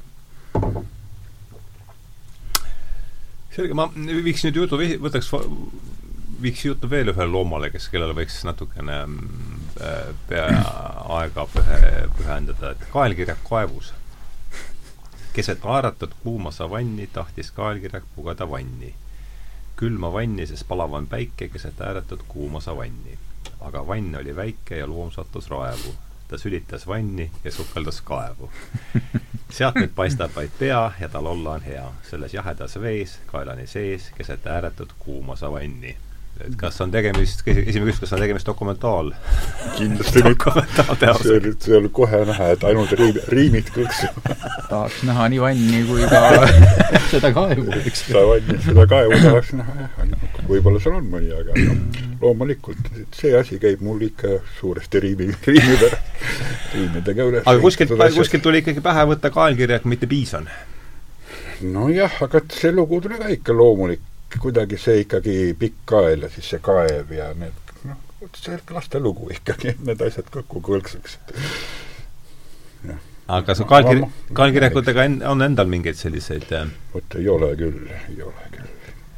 Tallinna loomaasjadega ka ei ole. ei ole või? ei ole, et kõige lähem on Riia ja see on üks kõige klassikalisem küsimus meile, et millal tuleb kaelkirjak Tallinna loomaaed. aa, siis oli see jällegi, ta ikkagi pakub, mingid loomad ikkagi pakuvad no, justkui rohkem huvi. kui sa ikka vaatad seda looma, et see on ikka nii jabur loom, eks ju, et, et, et, et noh, täitsa veider, et muuseas teda, teda ei ole ega ma põhjuseta teda siit.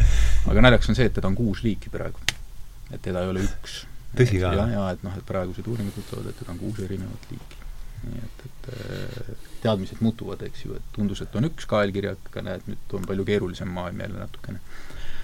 Aga mustri järgi ka erinev? no nad teevad juba tänapäeval geneetika põhjal seda, neid erisusi kõiki ja eks ta on selline keeruline asi, mille järgi sa neid liike määrad, et neid liigikontseptsioone maailmas on kolmkümmend tükki umbes, eks ju, et, et mille järgi liike paika panna, et et eks ta on rohkem meie mõtlemissüsteemid, kuidas me asju jaotame. no just, aga kas ta pole kunagi olnudki või? kunagi oli või? ei ole kunagi olnud. ah soo, ma mõtlesin, et ei, kuidagi ma ei, ja ta ei ole ka, noh, teda on keeruline pidada, ta on, ta ei ole lihtne loom mis see, mis veterinaarses mõttes on keeruline, eks ju, et, et kui on mingid asjad, vaata see pikk kaal ja vereringe ja et kui sa peaksid teda nagu uinutama, noh, see on väga komplitseeritud no.. soo, selle kael teeb pikaks või kael teeb keeruliseks selle asja? jah, noh seda nüüd ei ole minu enda teadmine, ma räägin ja, Aleksandr Semjonovi Maaülikooli veterinaari jutu järgi, kes nende loomadega on kokku puutunud ka Aafrikas palju, eks ju, et, et ta on nagu komplitseeritud. ja seal on üks teine põhjendus veel ja see on see, et, et kui Riias on olemas, miks me peame Riiaga hakkama konkureerima, et teeme parem koostööd, eks ju, teil on kaelkirjakud, meil on elevandid, meil on äh, ninasaarvikud, eks ju, et, et Neil ei ole elevanti või? ei ole. ei ole või? on kunagi olnud. ja et, et jaotame neid asju, kuidagi teeme niimoodi, et, et äh, me teeme koostööd selle asja mm -hmm. puhul, et ei ole mõtet hakata nagu nii, et ahah, sul on nüüd kaelkirjak, no me võtame ka endale, me võtame natukene suuremad, kõrgemad kaelkirjakud endale, sellel ei ole sügavat mõtet aga elevandid on teil pikalt olnud või? elevandid tulid, äh, siis ma olin loomaaias, kaheksakümmend kolme tuli, tulid Krügeri rahvuspargist, need on muide üks vähestest, kes on loodusest tulnud kunagi mm. -hmm. ja, ja nad olid ikka hästi väiksed sellel ajal. Äh, kui sinna minna nüüd elevantide juurde, seal on näha neid transpordipuure, siis tundub täiesti ootamatu, et kuidas ikkagi nii väikestes puurides nii suured loomad kohale toodi mm. -hmm aga elevandid on jah, et need on ilmselt ka maailma, mitte ilmselt, aga täiesti kindlasti kõige põhjapoolsemad elemendid, elevandid üldse. ah soo. põhja pool rohkem ei ole. no kui sa vaatad, eks ju, et me oleme Alaska tasemel, eks ju, et ega neid palju rohkem võimalusi ei ole, ütleme, kus neid veel võiks olla. ja noh, meil võiks need tingimused paremad olla, aga meil on väga head talitajad, eks ju, et me proovime siis seda hooldamisega, seda, neid tagasihoidlikke tingimusi natukene nagu kompenseerida, sest et külmas kliimas on see häda, et, et nad peavad väga palju aega sees olema mm. -hmm. ja sees on väiksed ruumid muidugi teise poole pealt on ka see, et, et võib ju tunduda nii, et nii lõunapoolne loom, et, et nüüd teda üldse ei tohi talvel välja viia, et no ikkagi, kui on tuulevaikne, siis nad käivad lumega ka väljas. käivad, jah? ja, ja, et, et selliseid lumi neile hästi põnev. jaa, et neile meeldivad need, noh, see on elamus, eks ju, et, et, et siin nagu ei ole vist vahet, eks ju, et, et kui sa oled ka ära harjunud, et selline asi seal aeg-ajalt väljas on, ninasarvikud täpselt samamoodi, et nad käivad ka lumega väljas. ikka on näha, et kohe nagu mõjub neile inspireerivalt? ja, ja, ja, ja, ja, et et, et, et see nagu on eh, noh, nad harjuvad nende asjadega, et nad nii külmakartlikud nüüd ka ei ole, et nad üldse külma ei kanna, et see nahk, mis tal on, kaks sentimeetrit, küllap ta suudab ikkagi seda natukene pidada, aga muidugi eks nad tulevad ise sisse siis, kui on, tunnevad, et, et et, et asjad halvaks lähevad, et selle loomade heaolu üks sisu, ütleme, inimese poolt pidamisel on see, et loomal peab olema valikuvõimalus Mm -hmm. et sa ei pane teda olukorda, et ta on nüüd kas väljas või sees, aga et ta saab liikuda edasi ja noh, kogu aeg, no inimesel on ka, eks ju, et mis tal on kõige olulisem, ta saab ise teha valikuid mm. -hmm. mitte, et talle öeldakse ette, et sul peab olema nüüd triibuline pintsak, eks ju, aga et saad ise valida endale, mis sa tahad. Nii, kuule aga sa oled lugu, sa oled seal midagi jah välja valinud vist juba, seal lehm, lehm lendaks on juba pikka aega olnud. jah, see võib olla, mul erinevaid teemasid ma võtame selle, ma ei tea, mis teemasid tuleb. lehm lendaks lehm ei taha jääda endaks. ta end hoopis linnuks muudaks ja siis Indiasse lendaks, kui ta seda ainult suudaks. kuule, lehm, kui oled lind, pole mõtet sinna minna. Lehmana nad austaks sind, linnuna nad sind ei hinda see on ju Indias on lehmal just nagu ja just erinev jaa. oled, on, on teist kumbki käinud Indias? ei, vot Indiasse ma ei ole jõudnud, ma olen seal ümber palju käinud, aga Indiasse ei ole sattunud, et, et, et see on jäänud nagu valgeks laiguks minu jaoks. ja ei ole ka praegu lihtne sinna sattuda vist enam nii väga? Mm, jah, noh, praegu on keerulised ajad, aga see lehm lendaks, et kui me nüüd võtame selle, et lehm on imetaja, et imetajaid on üldiselt need, mis peaks kindlalt nelja jalaga maa peal olema, aga nüüd ma esitan küsimuse mm -hmm. viktoriinile, et, et kui me võtame kõik imetajaliike, milline osa nendest lendab? ma arvasin, et see küsimus tuleb, aga ma ei oska vastata. ahaa, aga paku. noh, Või paku sina? nahkhiir on ju vist või? jaa. nahkhiir on jah, jah, just. peaks olema, aga kes siis veel lendab, noh, lohe muidugi. alati hea no ma ei pakkumine. tea, kas lohe on On, on. no räägime, see, see protsent on muide Eestis on sama võrreldes äh, ülemaailmse poolega. noh, paku protsendist, palju, mitu protsenti? aa, protsenti, kui palju, jah? kas see on liikidest või liikidest, liikidest. no ikka väga väike ju. kaks protsenti. mis see, ikka null koma ikka, ma ei tea. lendavaid imetajaid, no nahkhiired ongi, ma ei tea, palju neid on. Kes siis imetajatest veel lendab? no lohe. lohe, noh, loomulikult, lohe loomulikult. ma ei, ma ei oskagi rohkem pakkuda. kui ta null koma, kui ta null komaga hakkaks, siis ta poleks, poleks, poleks küsinud niimoodi vast, kui oleks null koma null. imetajaid, lendavaid imetajaid. no ütleme, et, et imetajaid on äh, siin räägiti viiest praegu kuskil kuue tuhande liigi umbes. kuue tuhande liigi ümber, siis sealt on, eks ole, minu jah, siis on sada kakskümmend liiki või? Peaks olema minu imetajad. no aga lendorav ometi ei lenda, eks. ta liugleb. liugleb, eks ju. seda me ei loe lendamiseks. jah, jah. No need ikka, kellel on noh, tiivad, et ta ikka reaalselt nagu lendab. no mina ei teagi rohkem. siis, äh, no võtame siis ühe protsendi peale. no võtame. no vot, see on nüüd hea näide, ma tunnen kohe sisemist rõõmu nii ma arvasin. iga viies. jah, kakskümmend protsenti umbes. noh, ütleme protsi, et brand siia-sinna. Lihtsalt see on see, et, et noh, et, et nad ikkagi päris nelja jalaga kindlalt maa peal ei ole, eks ju, et iga aga ke- kellest me räägime siis? ongi nahkhiired, aga neid on hästi palju, kui me võtame troopika ja ikkagi ainult nahkhiired. jah, nahkhiired ma mõtlesin, kas mõni no võtame seal, kui me võtame need lendkoerad ka, eks ju, see võtame, me ei räägi nüüd seal on on makrohiroptera ja, mikrohiroptera, eks ju, et need on kaks erinevat rühma, eks ju, et suured, need on siis, kes on ise Filipiinidel, noh, see on niisuguse tiivasiru ulutusega on, eks ju, koloniaalsed need äh, elukad. et äh, need ka, aga eelkõige need väiksed. ja neid on ikkagi jah, iga viies, et see on niisugune hea nemoturniiri küsimus, eks ju, millele tavaliselt ei osata vastata. seda küll poleks öelnud. tea, poleks iialgi arvanud, jah. ja need, ütleme, lendkoer või selline nüüd, kui me ja saame seda troopilise kuulnud. jah, troopilise vihmametsa saame valmis, me kindlasti tahame sinna lendkoera saada, et üks nendest liikidest mis asja, mis otsigu sõna ma peaks Youtube'i panema? Fly Fox võib panna, Fly Fox, jah. Fly Fox, jah. Flying Fox, Flying Fox. jah. See tuleb kohe täna aga neid on hästi palju, neid liike, eks ju, seal äh, on neid ohustatud ja on tavalisi ja, ja on neid, kes on rõõvtoidulised ja neid, kes on verdimevad ja need, kes on, enamikus on muidugi taimetoidulised kõik, eks ju. Mhm.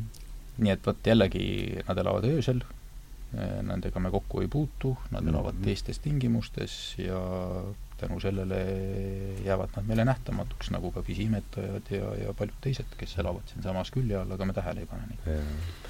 no ma tahtsin veel seda küsida, et meil on, noh, rääkisime siin, et kaelkirjad kõvasti tuntakse huvi, eks, no kindlasti jääkaru on, et kas on ka mingi see, noh, vaevalt nüüd sellist esikümmet on kohe seal niimoodi kuhugil kivisse raiutud, aga ikkagi mingid sellised liigid, mille vastu noh, kuidagi ilmselt külastajate arvukuse mõttes niimoodi üritatakse ikkagi endale no tavaliselt ongi nii, et, et on osad liigid on need, kes on nagu külastaja magnetid. just, noh, seda ma toovad, küsida. toovad juurde, eks nad kipuvad need suurkiskjad olema, eks ju, suured võimsad loomad on tavaliselt, või siis mõningad, kellel on midagi väga eripärast. ahvid tõenäoliselt on ahvid kindlasti ka, jaa, aga näiteks üks huvitav liik selles suhtes on surikaat. Surikad Lõuna-Aafrika, Aafrika selline pisikiskja, vaata, kes seisab mis niimoodi ta kuradi nimi oli nüüd inglise keeles? Merkats on ka just nimelt jah, just äsja vaatasin ja ei ole, just, just, just. ja, ja see on see, mis on nii uskumatult öö, huvitav loomadele ja ütleme, loomaaeduse seisukohalt on probleem, kuna külastajad tahavad neid näha, siis neid on hästi-hästi-hästi palju loomaaedades, aga öö, loomad konkureerivad ruumi peale loomaaias ja tegelikult oleks vaja paljudele ohustatud liikidele seda ruumi ja vot nüüd tekib konflikt, et ühelt poolt sul on vaja külastaja magnetit, teiselt poolt on sul vaja ohustatud loomi pidada ja vot kuidas sa tõmbad selle joone et, et see on alati üks väga keeruline küsimus.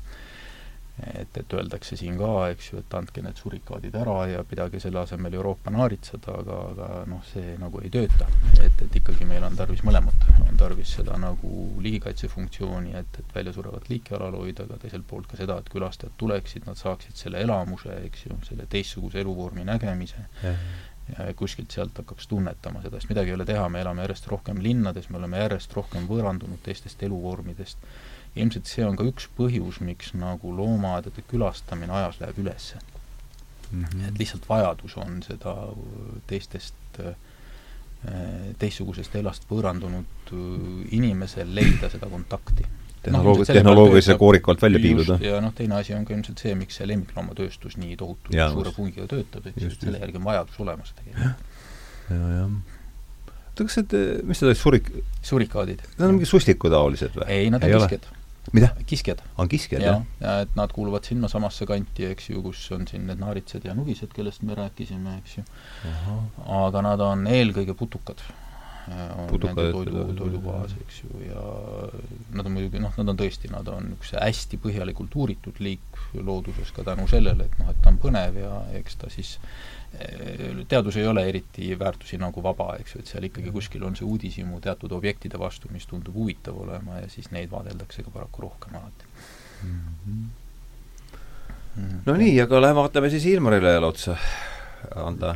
aga mul tuli seos nahkhiirega meelde, et mul vot kass, kass oli kunagi nimi Indira, et see vemmal sai seesama, keda mina nägin või? jah, tema sai niisuguse asjaga hakkama, et õhtul niisuguse tarbekunstniku liigutusel püüdis, võttis õhust nahkhiire ja viskas mulle tuppa, kui ta lihtsalt istus akna peal no,. oligi nurgas nahkhiir, ma lihtsalt viskasin, jälle loodus lendas minema, jah. aga ega ta kuidagi, kuidagi väga hoogsalt, lihtsalt sirutas käe välja ja viskas see on küll hämmastav, sest tegelikult neil see kajalokatsioon on niivõrd võimas, et nad suudavad neid väga kiirelt reageerida, eks ju, ära pöörata, aga näed, juhtub ikka. kass, kass, tragikass siis, kompetentne kass. istus akna peale, püüdis mulle hiire lendama see lugu tuli meelde lihtsalt. aga loeme midagi järgmist. see on jälle teema jälle siis. siin on siis nüüd lindude rännetest. varesed lendavad lõunasse. kured läinud kurjad ilmad, haned läinud halvad ilmad, luiged läinud lumi taga. tegelikult selgub aga sellest laulust tähtis tõik, et külmavaresed nad kõik selline kokkuvõte. mul tuli alguses, kui nüüd lindude peale läks jutt, kas ähm, papagoidega on kellelgi mingit pistmist olnud või? siin hiljuti sattus, sattusin lugema mingist väga täiesti uskumatust tü-, tü-, tegelasest selles liigis, kes teadis ikkagi peast Neid vot papagoide videosid ma olen ka vaadanud viimasel natukene, kuidas nad seal äh, seletavad ja, ja, ja et kas sellega on kellelgi mingi isiklik kokkupuude olnud, et teie, teie omad räägivad midagi ka või? see on, äh, see on õpetamise kunst, nad matkivad, eks ju, et äh, just, hiljuti, hiljuti mul sattusin ka kuskilt nägema mingit videot, kuidas papagoiliiki praegu ei mäleta, aga kes vilistas kitarri saatel järgi sellest Airways to Heaven ja jube hästi tegi seda. tõsi, jaa. tõsiselt uhke oli kuulata. aga äh, papagoidega on see, et äh, mis mul tuleb pähe, on kindlasti Irene Peppersbergi nime, kes just, täpselt, jah. palju papagoi uuringud, kes ja, siis täpselt seesama oligi jälle selline naljakas, mõnes mõttes sarnane nagu Jane Goodalliga, eks ju, kes oli bioloogilise hariduseta ja tänu sellele, kui ta Aafrikasse läks, suutis ta neid ähm, šimpanse Eh, uurida ilma teadusmõtlemise raamideta. ta ei olnud bioloogiharidust, jah? ah soo, väga huvitav, seda ma ei tea. ta oli, ta oli sekretär minu arust ja sealt siis tuli, et mul on isiklikult olnud võimalik kokku temaga puutuda, ta on erakordselt võimas eh, isiksus mm. -hmm. ja aga nüüd Irene Peppersbergiga oli ka sama asi, et kui ta alustas selle papagoi Aleksiga, oli, kui ma õieti mäletan, see nimi oli Alex vist, jah. et et siis algselt ta ostis selle papagoi endale ja hakkas talle õpetama igasuguseid asju nagu arvutamist, rääkimist, ma ei mäleta, kui palju neid sõnu oli, ta suutis kombineerida sõnu ja ja nagu selle, ütleme, loomade kognitiivse psühholoogia üks klassik ja täpselt sama niisugune noh, olukord, kus alguses nagu irvitati üle, et, et noh, see on jama, et, et siin on mingid instinktid, mis töötavad, et seal ei ole nagu tunnetust taga aga noh, mida rohkem tuleb andmeid, seda rohkem tuleb seda, eks ju, kus enam ei saa vaielda, et ta tegelikult on ja noh, praegu ta on ikkagi selle valdkonna üks klassik mm. -hmm. ja papagoi Alex, see on vist ainukene loomaliik, millele New York Times ja. oma järelhüüde kirjutas. just jah, tal on see jah, täpselt, New York ja. Timesis oli Alexile oli, oli järelhüüa. et hästi, hästi huvitav lugu jälle, need niisugust nagu kuidagi suunda muutvat ja noh, praegusel hetkel ma ei saa kaheldamatult, kui me räägime nagu selle kognitiivsest poolest ja loomade tunnetusest ja ka intelligentsusest, siis Franz de Waal, hollandlane, kes on Burgersi loomaaia väga palju uuringuid teinud, tema on kirjutanud hästi palju väga olulisi vist eesti keeles asjad? kaks tükki on kirjutatud jah, üks on Postimehe toimetuses see Emma mhm. kallistus ja, ja teine on Kas me oleme nii nutikad, teada, kui nutikad on loomad, seda ma soovitan siiski originaalis lugeda, seda viimast raamatut, et, et eestikeelne tõlge ei ole just kõige õnnestunum. mis see eesti tõlge nimi oli? kas, kas me oleme küllalt nutikad, et -hmm. mõista, kui nutikad on mm -hmm. loomad et ta võtab seal kogu selle loomade kognitiivse maailmast arusaamise kokku kuni siis tänapäevani välja, kus ikkagi noh, nad on meiega rohkem sarnased kui et erinevad. et hästi, hästi nagu vajalik raamat mm, -hmm. et ta on tõlgitud. et jah. aga kena, me oleme siin nüüd kümnekonna minutiga võiks, aeg on läinud nagu niuhti jälle, et äh, võiksin siis äh, kümnekonna minutiga tõmmata sellele asjale jutu all, või joone alla, et äh, Ilmar, võib-olla on sul midagi veel pakkuda välja? mõni sul on ainult natukene pakkuda mõni, mõni tundmatu liik veel? väga palju pakkuda, jah, ma vaatasin aga sul tundmatut liiki ei ole tundmatut liiki ei ole, mul on siin küll sellest eh, Nessijärve lohi, lohilohest ja draaklohedest, nendest on küll, aga päris tundmatud, noh, need on tuntud, aga see Nessi lugu on iseenesest Ness, Nessist on mul paar luuletust, aga see on kõik selles suure paksu paka, paki sees mm., ma võtsin mm. -hmm. võib-olla ma loen lemmikloomaluuletust mm, -hmm. siit seda teemat pole käsitletud mm. -hmm. mul on kaks luuletust ühe nimega. jalutuskäik lemmikloomaga lemmikloomi kodudes kasvamas on rodudes. neljajalgseid sõpru neid linnades on tuhandeid. kui su lemmikloom on pühvel, peab sul olema ka kühvel. sest kui pühvel tahab minna näiteks jalutama linna, jääb tast maha suuri hulki pühvlipabulaid ehk julki. asuma pead pühvli taha, üles võtma, mis jääb maha seda ma ikka lastele loen kuidas linnas peab lemmikloomaga jalutama. tuleb ikka üles mm. korjata. ja teine lemmikloomalootus on ka, ma sama, sama soojaga loen selle ka ette. kuna need on ühe, ühe pealkirjaga. jalutuskäik lemmikloomaga. onu Aksel paljapäi õues talviti ei käi. miks ei käi ta paljapäi? Sest ta lemmikloom on täis. keset karmi talve ilma lemmikloom võib saada külma täide jaoks teil oma puuri ei ole, ma kujutan ette. vaat seda elama. ei ole, aga see on üks huvitav teema, on vaata need eh, meist väga erinevad olemas, eks ju, et Antwerpeni, Antwerpeni loomaaias on see kuidas nad seda nimetasid, mikroobide loomaaed. Mis on hästi huvitav, et, et ma ei ole ise sinna muide sattunud veel, et ma tean, et nad tegid, et, et see on mul üks reisiplaan, et ma tahaks kindlasti seda näha, et, et näidata seda meist väga kaugel olevaid asju ka et hästi põnev. ja noh, putukate maailm on, seda ma olen ise ka rääkinud, et noh, et, et, et päris põnev oleks teha nagu putukate looma, et, et Londonis, kui ma õieti mäletan, on sipelgate väljapanek, mitte sipelgate, vabandust, ämblike väljapanek mm. -hmm mis on ka huvitav, et just näidata selliseid nagu, nagu noh, mitte nii väga tavalisi asju, et noh, tiiger on ju tore, eks ju, vaata, enne me rääkisime, et nad on need magnetid. üks on magnet, aga teine on siis see, mille juurde jäetakse pidema, pidama kauaks ajaks, mida jäetakse vaatama. et kaks erinevat nagu reaktsiooni on, et, et, et sa muidu lähed võib-olla mööda, aga kui sa jääd sinna juurde, siis ta haarab sind ja vaat need igasugused sellised väikesed asjad, kes tegutsevad omaette, neid sa jääd vaatama, näiteks Riia loomaajas hästi huvitav on see eh, kimalaste ekspositsioon sa võidki jääda vaatama, kuidas nad toimetavad, tulevad edasi-tagasi see on? Mingis majas neil kuidagi tal on jah, läbi klaastoru tuleb sisse, nad käivad väljas oma asju toimetamas seal ja siis äh, läbi klaasi on näha see, see taru, eks ju, seal need sees toimetamised, et see on hästi-hästi huvitav, kogu see organisatsioon, see liikumine ja, ja sagimine, eks ju, jälle see sissevaade teise tsivilisatsiooni, et see toimub väga täpselt. nii et, et jah, et see, selliseid eripäraseid asju on aga noh, lemmiklooma teemaga jälle on ka see, et, et mis on nagu ma jälle nagu sinna oma trummi juurde jään, et, et kui me räägime lemmikloomadest, siis üks looma ja häda on see, et väga sagedasti nagu loomad kiputakse nägema nagu lemmik, superlemmikloomade kodu mm. -hmm. et vaata, kui me paneme neile loomadele nimed Bootsmanist me rääkisime, eks ju, et me teeme nendest isiksused ja vot siis me satume ise hätta ühel hetkel, kui siin varasemal ajal ühel hetkel me pidime ühe jääkaru magama panema, Nordi, eks ju, sest ta käpa olukord oli nii tehva, et me ei suutnud temaga midagi teha.